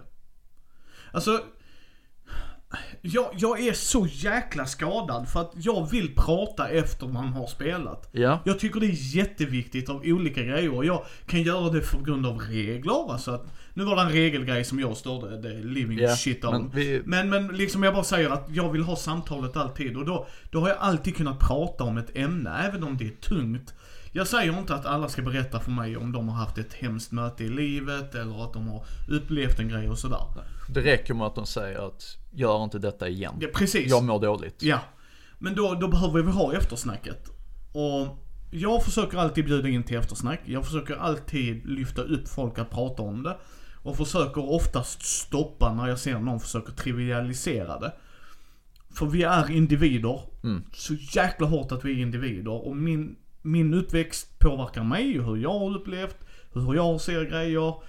Eh, Andis gör det på hans sätt. Och då, då har vi, då är det som vi säger, your miles may vary. Det är inte svårare än så. Jag kan säga det här att jag är nog blödig som fan ibland. Eh, dåligt ord. Men jag har ganska mycket problem med att hemska saker händer barn. Och det började när jag själv blev förälder. Jag tror att alla föräldrar där ute kan relatera till det. Att det vi fruktar mest är inte vad som händer med oss eller runt omkring eller så här. Visst, tortera mig till döds liksom. Det är för jävligt, det är hemskt. Men rör mina barn, det är värre. Det kan jag förstå. Uh, och där, där måste man ha respekten för varann och känna varann. Jag menar, ni har ju varit med i rollspel där hemska grejer har hänt barn. När jag har spelat. Liksom att där är en uh, douche McDouche-face. eh, och som ni har verkligen jagat och velat döda för att han är Ja, och det gjorde vi också. Ja, ja liksom. Men, men där har vi ju visat respekten nog att vi känner varann. Och skulle jag se att ni skulle prata med mig efteråt. Alltså nej, det här, det här, det här var too much. Nej, så pratar vi subjektivt så, så är det det ämnet som gäller för mig. Uh, och jag kan säga att det är så pass illa att uh, första gången jag spelade Fallout 3 uh, eh, så jag blir illa berörd av de här dockorna och brända rostiga trehjulingarna på lekplatserna. Ja, ja, alltså jag, det, det sög lite, lite svagt i magen på mig. Och sen spelar man, eh, nu, det är ett jättegammalt spel så jag tror jag inte spoilar det för någon. Men eh, The Walking Dead. Du, Te- Telltale. Ja, eh, Telltale. Uh, där är en scen där. man kommer in i ett hus och går upp på vinden. Där man stöter på en zombifierad pojke, kanske 11, något sånt. Som eh, uppenbarligen svultit ihjäl där uppe. Det fixade jag inte. Jag stängde av spelet, jag avinstallerade det. Det tog flera månader, säkert ett halvår, innan jag spelade mig förbi den scenen igen. Och nu är det så här att min fru, Ulrika, kan vara en elak jävel mot mig. För att hon, hon vet om detta. Och eh, vi spelade ett, hon spelade ett eh, zombie-apokalyps-kampanj. Och hon kör i princip den scenen. Eh, vi kommer in i ett hus. Och eh, liksom håller på och lutar det. Det är övergivet. Så, i stort sett. Tills vi kommer in i ett rum och där är en spjälsäng. Och en zombifierad bebis. Jag sa rakt ut till henne att jag tänker inte vara med nu. Jag, jag pallar inte. Så. Nej. Spela, ni, ni får spela klart. Du vet att jag inte fixar detta. Ja. Så det, det har definitivt hänt mig. Nej men det, och det, det köper jag. Jag, även jag, alltså jag är inte känslokall. Alltså jag tycker även när det blir barn involverat att det blir mer hemskt. Jag har inte egna barn. Jag kan ju säga, för mig är hundar, eftersom jag har Flash. Han är ju min pälskling liksom. Ja men motsvarande situation med... Ja, ja, alltså jag har jättesvårt att se det liksom. Ah, måste ni döda hunden? What the hell? Alltså verkligen, alltså jag kan sitta sådär bara. Ah, fan vad jobbigt det blev. Ja. Och jag kan göra så i spel också, men jag älskar att utmana mig själv. Enda gången, om jag ska kolla på mina rädslor, alltså om någonting jag är rädd för. Så har jag ju sagt till dig, jag, jag höll ju på att drunkna när jag var sju bast. Ja. Jag sjönk som en sten. Ja. Och jag minns att jag tänkte, fuck it, this is it. Som spelledare som lyckas bygga upp den stämningen tillräckligt bra. Du Så- skulle prata med dem efteråt. Beror på. För jag hade kunnat känna, fan vad bra rollspel. Mm. Eller, det är det jag menar, det beror på gott folk. Eller så känner jag bara wow, nej. Det här blir jobbigt. Mm. Alltså jag kan säga så här. I datorspel, om du ska dyka. Mm. Så går jag och hämtar min fru ibland. För jag gör inte det. Nej, du fixar inte Nej, undervattensbanan. nej, nej. Och även, även om jag vet att nu ska jag bara gå ner och hämta en grej, där är inget. Mm. Ja, det är mörkt där nere så, nej men vi spelar något annat så länge då. Mm. Alltså det är bara hur Ja. mitt huvud fungerar. Men, men jag pushar ju mig själv och liksom sådär. Eh, jag köper det med barn och så. Det gör jag, hands down. Alltså det Men för mig handlar det om att man måste kunna prata om det. Jag menar, jag kan bli sur när någon, du ska förväntas kunna den här obskyra grejen om mig. Man bara ah! I ärlighetens namn, nej. Vi kan inte räkna med att alla har drunknat och det. Nej. Det är okej att säga. Det är därför vi pratar om kommunikation, gott folk. Alltid kommunikation. Och sen kan det vara så att jag tycker, och 100% att Andy är med mig, man måste få lov att ändra sig. Ja, ja, det klarar jag. Nej, det gjorde jag inte. Nej. Vi skiter i det här liksom. Jag tyckte inte detta var ett bra ämne att ta upp. Och det kan vara allt ifrån, jag till exempel, övervåld. Det är också en sån grej. Jag bara, bara snubben Varför? Ligger, ja, liksom snubben ligger redan ner. Ja. Ja, nu ska jag Det är en anledning till att- våffelstompa. Så bara, why? Alltså, jag köper om du har en som ska visa sig vara sadist. Kör, alltså förtydliga det då gärna. Okej, han är ett douchebag. Om inte han fattar, okej, fine. För mig handlar allting, det är ett tveeggat svärd. För det är en balansgång som är...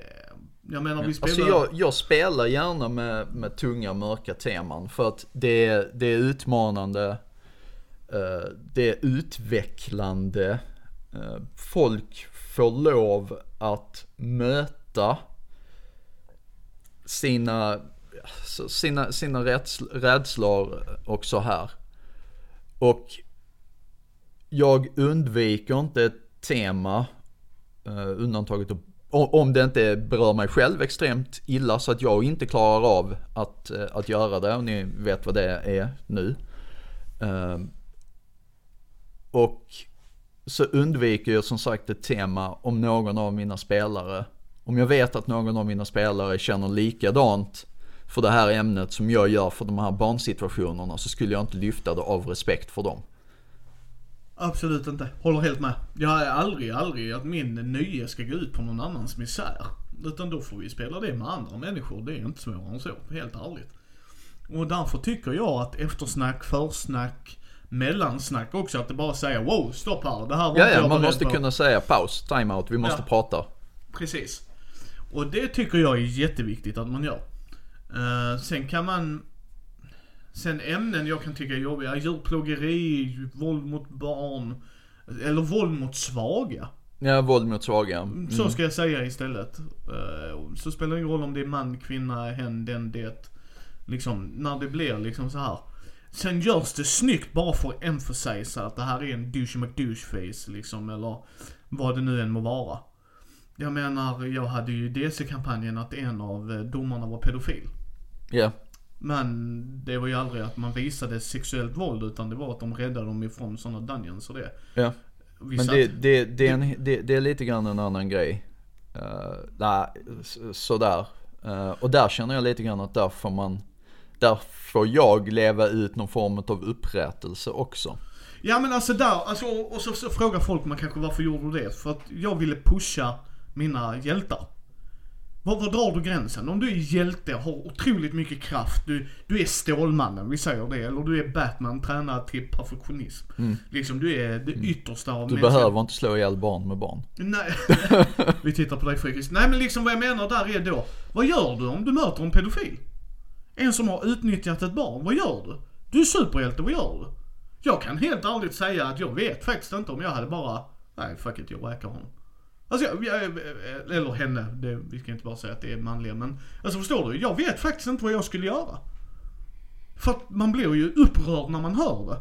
Och skulle jag då säga, vara, vara spelaren i det läget, Nej, det är en maktutövare, sitter som domare i Gotham, alltså det är ju så korrupt den staden så att Ja. du kan göra lite hur du vill. Alltså jag är helt ärligt, jag, jag, jag dömde inte dem för vad de gjorde överhuvudtaget. Alltså helt ärligt, jag, Nej men där, där får ju spelaren lov att lägga sin karaktärs moral. yes. Men återigen hade de sagt wow, wow, wow, nu tyckte jag att det var för långt. Kan vi inte prova att pressa det på andra håll? Och gott folk, det gjorde jag. Ja. Jag pressade dem till tusen. Eh, så absolut, det köper jag. Mm. Det, det, det köper jag, men jag ville se, för det är oftast det man hör. Jag tänkte så, och jag var lite yngre då också, men liksom jag tänkte då, man hör ju oftast. Ja, hade jag träffat den pedofilen, då hade jag skjutit honom. Oj, oj, oj, oj. alltså du vet så här. Folk säger ju, men vad hade man gjort om man hade kunnat? Alltså det är det jag menar. Men jag, jag älskar ju att köra dark and gritty, verklighetstroget. Jag vill ha realism i mina rollspel. Inte alltid. Jag älskar att köra fluffiga grejer också. Ja.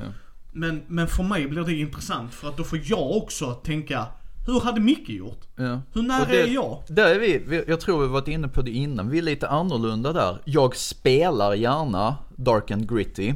För att då känns det, alltså jag spelar för eskapism. Det, det, det är ju så, jag spelar, jag spelar rollspel för att det är eskapism.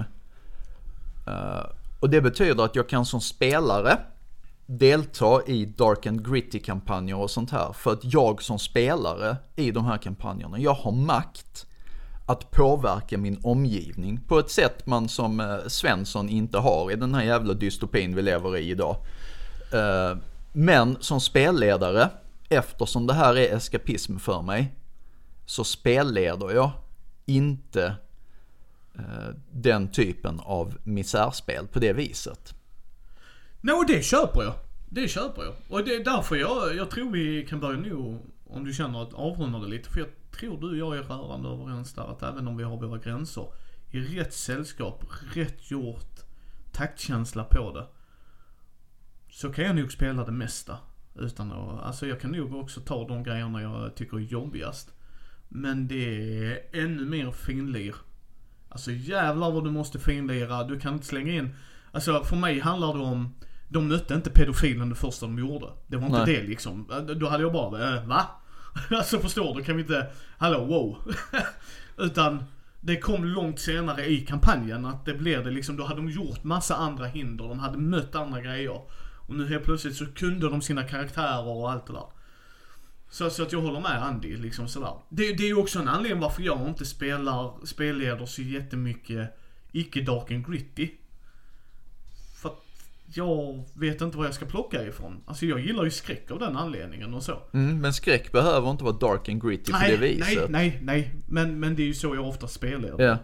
Uh, men medans jag älskar ju att spela när någon annan spelleder en grej som är mycket mer Så här, du vet såhär high fantasy, woo, ja det kan vi Ja. spela liksom, alltså förstår du?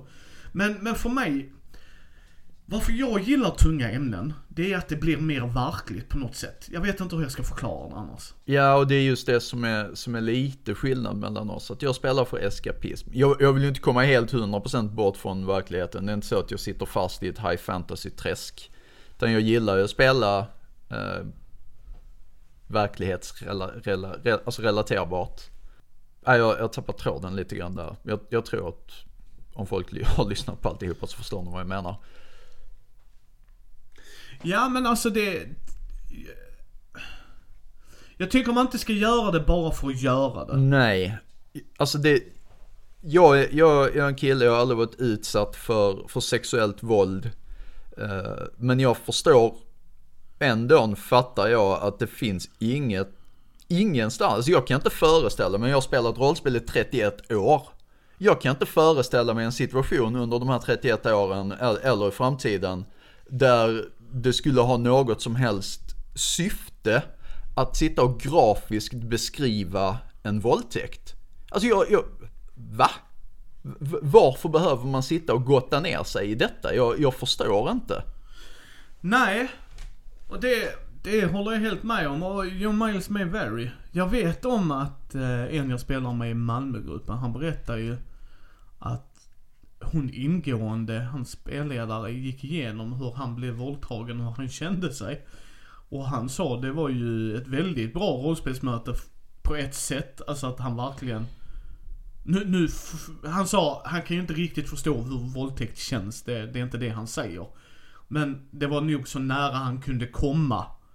Eh, om ni förstår. Men, eh, Alltså det är jättesvårt att förklara men liksom. Hon gick så detaljerat in på det för att det var så viktigt för storyn. Jag kan ju i ärlighetens namn säga att jag vet inte om jag hade tyckt det var okej. Nej, jag kan väl säga det här att gör man en sån grej i syfte att man har en, en workshop, ett seminarium liknande om sexuellt våld eh, och så, då, då fyller det en funktion. Men när jag spelar rollspel för, för eskapism, jag har, alltså vi, vi vet, vi vet hur en våldtäkt ser ut generellt, alltså så här. Vi har fått tillräckligt mycket beskrivningar av, av det här pisset. Eh, att vi inte behöver ha en grafisk beskrivning när vi spelar. Eh, om syftet däremot är att på en, på en workshop eller så här där man diskuterar sexuellt våld, eh, så här. Försöka förmedla för deltagarna hur, hur pist det här är. Då, då ser jag absolut att, den, att ja, där, där behöver man ju förmedla den känslan. Men i ett spel för nöjes skull, varför? Vem tycker det är roligt? Han tyckte det var intressant. Jag, jag, nu, det var någonting med den kampanjen så att jag, vad jag fick reda på det så fyllde det en funktion. Ja, alltså to each his own. Men Ja. som sagt, under mina 70 under de 75% av mitt liv jag har hållit på med det här har jag aldrig någonsin stött på en, ett speltillfälle där det har passat in. Nej. Eller varit lämpligt. Vi var inte där, så jag ska bara säga, jag har bara hört detta i Ja. liksom andra hand. Och, men han tyckte det fyllde en funktion. Han är en Ja. vettig människa så att han liksom finner nog ingen njutning i det så. Utan det Nej. var bara, han förklarade, det var ett av, för vi kom in på det, vad är det skummaste som har hänt? Och då sa han det. Det var nog det skummaste jag varit med om. Var det dåligt? Nej, han sa det fyllde en funktion ju. Mm. För karaktären jag spelade och maktbalansen jag hade med den andra NPCn och allt det där liksom. Så han tyckte ju inte det var dåligt och han blev ju inte skrämd alltså så, men han förstod ju liksom att wow. Alltså det här är tungt. Ja, Det här gör vi inte lättvindigt. Liksom. Utan han förstod ju hela grejen, alltså att det var sådär. Och återigen, allting, allting är ju beroende på hur man är som person. Mm. Så vad är era tankar? Vad tycker ni när gränsen går? När blir det liksom för Har ni ett tabuämne? Ja. Vågar, ni, vågar ni outa er lite grann? Har ni ett tabuämne? Det här vill jag inte vara med om. Alltså det här temat vill jag inte att vi tar i. Mm. Ja. Jag har intressant. sagt mitt. Ja. Kom igen.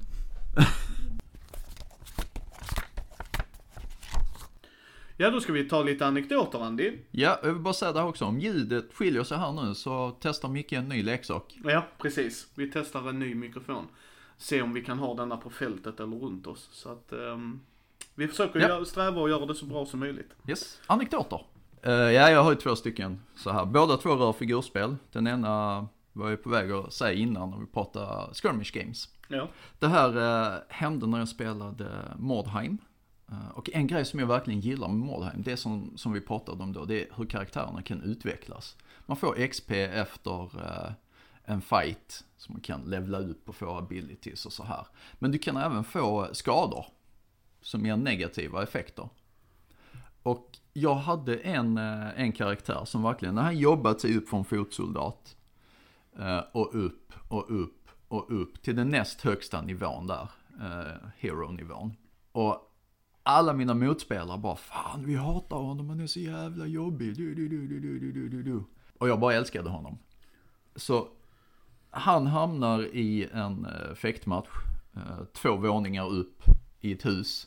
Och håller precis på att bli besegrad när han får en sån här jävla stunning blow eller något skit. Eh, som gör att han trillar av kanten två våningar ner. Smack. Och bryter benet. Och alla andra bara haha haha nu kommer han att liksom så här bara lägga ner den karaktären och så retira honom bara. Nej. Min karaktär skolar om sig, han börjar på sin jättelåga ballistic skill. Och så börjar han jobba upp den istället. Tar skitlång tid eftersom det är längre och längre tid mellan levlarna ju högre upp man kommer. Men eh, efter tillräckligt lång tid så stod han där längst bak med sitt crossbow och snipade dem istället. Så det, det, det är kul när man så här kan behålla eh, någonting och känna, känna karaktärsutveckling där också. Det är därför jag gillar rollspel. Eh, sen den andra är också en eh, Games Workshop. Eh, Warhammer Fantasy Battle. Kommer inte ihåg vilken utgåva, sjätte tror jag. Femte. Jag möter en kompis, Mattias. Känner Mattias, synd att du har lagt ner hobbyn.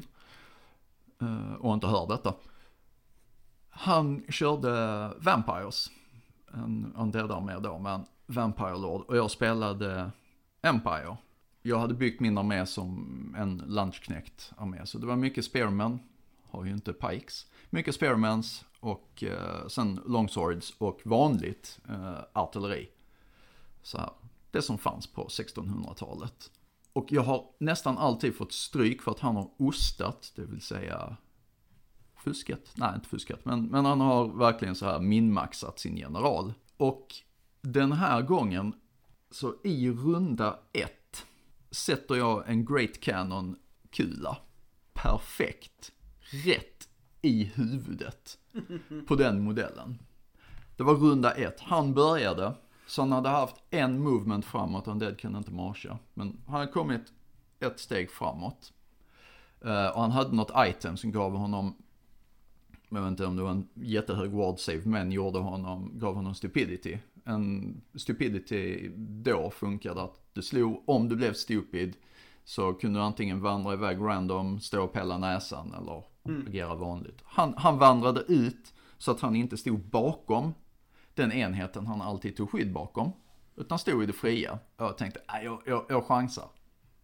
Så jag gissar rangen och så vidare och så vidare. Rullar tärningarna. Jag får en perfekt träff. Kulan studsar inte ens. Utan den går ner i marken och stannar där. Och det var verkligen när vi mätte. Det var exakt, exakt på basen. Så det var en autokill på den. Och sen, som reglerna funkar, så börjar, förlorar han ett visst antal eh, utav sina undead varje runda därefter som de bara crumlar ihop och dör. Så ledsen han blev. Så ledsen. Men det, ja, det, det var kul. Ja, jag har en eh, där eh, vi körde, vi körde orker i 40K. Faktiskt. Och vi, jag mötte, vad heter de, Terminatorsarna? Vad heter I de? 40K, Necrons. Necrons, ja precis. Necrons, jag mötte Necrons. Och eh, jag hade inte mött dem innan, vi skulle upp till Umeå och, och spela på Fnatic. Så eh, jag körde en liten sån här orklista och sådär med Weirdboy. För er som inte har spelat 40K, Weirdboy så är orkernas magiker, men precis som orkernas alla andra grejer, det fungerar inte som det ska göra. Det är liksom jo, det fungerar fast... precis som det ska, bara jävligt random. Ja precis, det är väldigt random. Eh, liksom ta en match där jag spelar med samma typ av modell då. Mm. Weirdboy teleporterar sig rätt in i en byggnad och alla 30 orker dör plus den. Mm. Så ah, det var liksom typ en fjärdedel av mina poäng som bara fy! Men just i det här fallet så slänger han ner, vad är det, en monolit va? Det är Ja. de kallas, de Ja. stora pyramiderna. Yes, yes monolit ja. Ja, och eh, jag hade inte mött dem innan och eh, så han liksom, ja den kommer ner där, den är jättetuff, jättejobbig, det är liksom deras huvudbas. Så jag eh, slår på min Weird Boys random-tabell, och jag får Meltagun. Helt såhär random. Jag är inom skotthåll, jag ser den, så jag träffar automatiskt. Orker, orker träffar inte så bra. Så det, det ska man ta med en nypa salt. Men, men den blir en autoträff. Då sitter han och säger, ja men du vet, eh, i normala fall så får du ha två tärningar, detta var sjätte eller sjunde editionen, eh, på Meltagans. Och då är det liksom lättare, men det får du inte mot monoliter. Så du behöver en sexa för att träffa, okej, sexa. Alltså så här, gå igenom, den sprängs. Ja okej, Eh, ja sen är det ju tum då, se hur mycket den sprängs. Men eftersom jag har mitt utspritt sexa, så lyckas du ändå mycket. Detta var runda två Andy. Ja. Runda två spränger jag hans Du monolit. spränger en monolit i runda två. Ja, Och- det, och det, det varför? är där man rage-quittar. Eh, nej, han var jättesnäll Magnus. Shoutout till dig Magnus. Eh, han var jättetrevlig. Men det var väldigt, väldigt roligt att se just när han bara, ja runda två. Då eh, kör vi med mina necrons här då. Ser vi hur, hur det går. Och polaren Johannesson var det. Ja. Han mötte han sen. Han fick inte ner monoliten. Nej. Och det var bara för att jag lyckades jag tror jag skulle slå två eller tre på den D6an när man ska Ja. se vilken kraft han hade. Ah, Meltagan! Det hjälpte mig i denna matchen. Vilken tur jag hade! Jag kan ju ta en grej till som faktiskt hände första gången jag träffade Frykis. Men visste Ja. inte om att det var Frykis. Vi möttes ju nere på en lokal här. Det var väl Fantasia va? Eh, ja, det var det nog ja. För jätte, jätte, jätte, jättemånga år sedan. Ja. Jag mötte en, en Necron-spelare där med mina Space Marines. Jag hade en runda, jag skojar inte, det här är sant. Det är 36 tärningar i ett block. Jag skulle slå ett helt block saving throws för att deras jävla Ghost Guns så här totalmassakrerade mig. Eh, Space Marines har Armor Save 3 plus. Mm.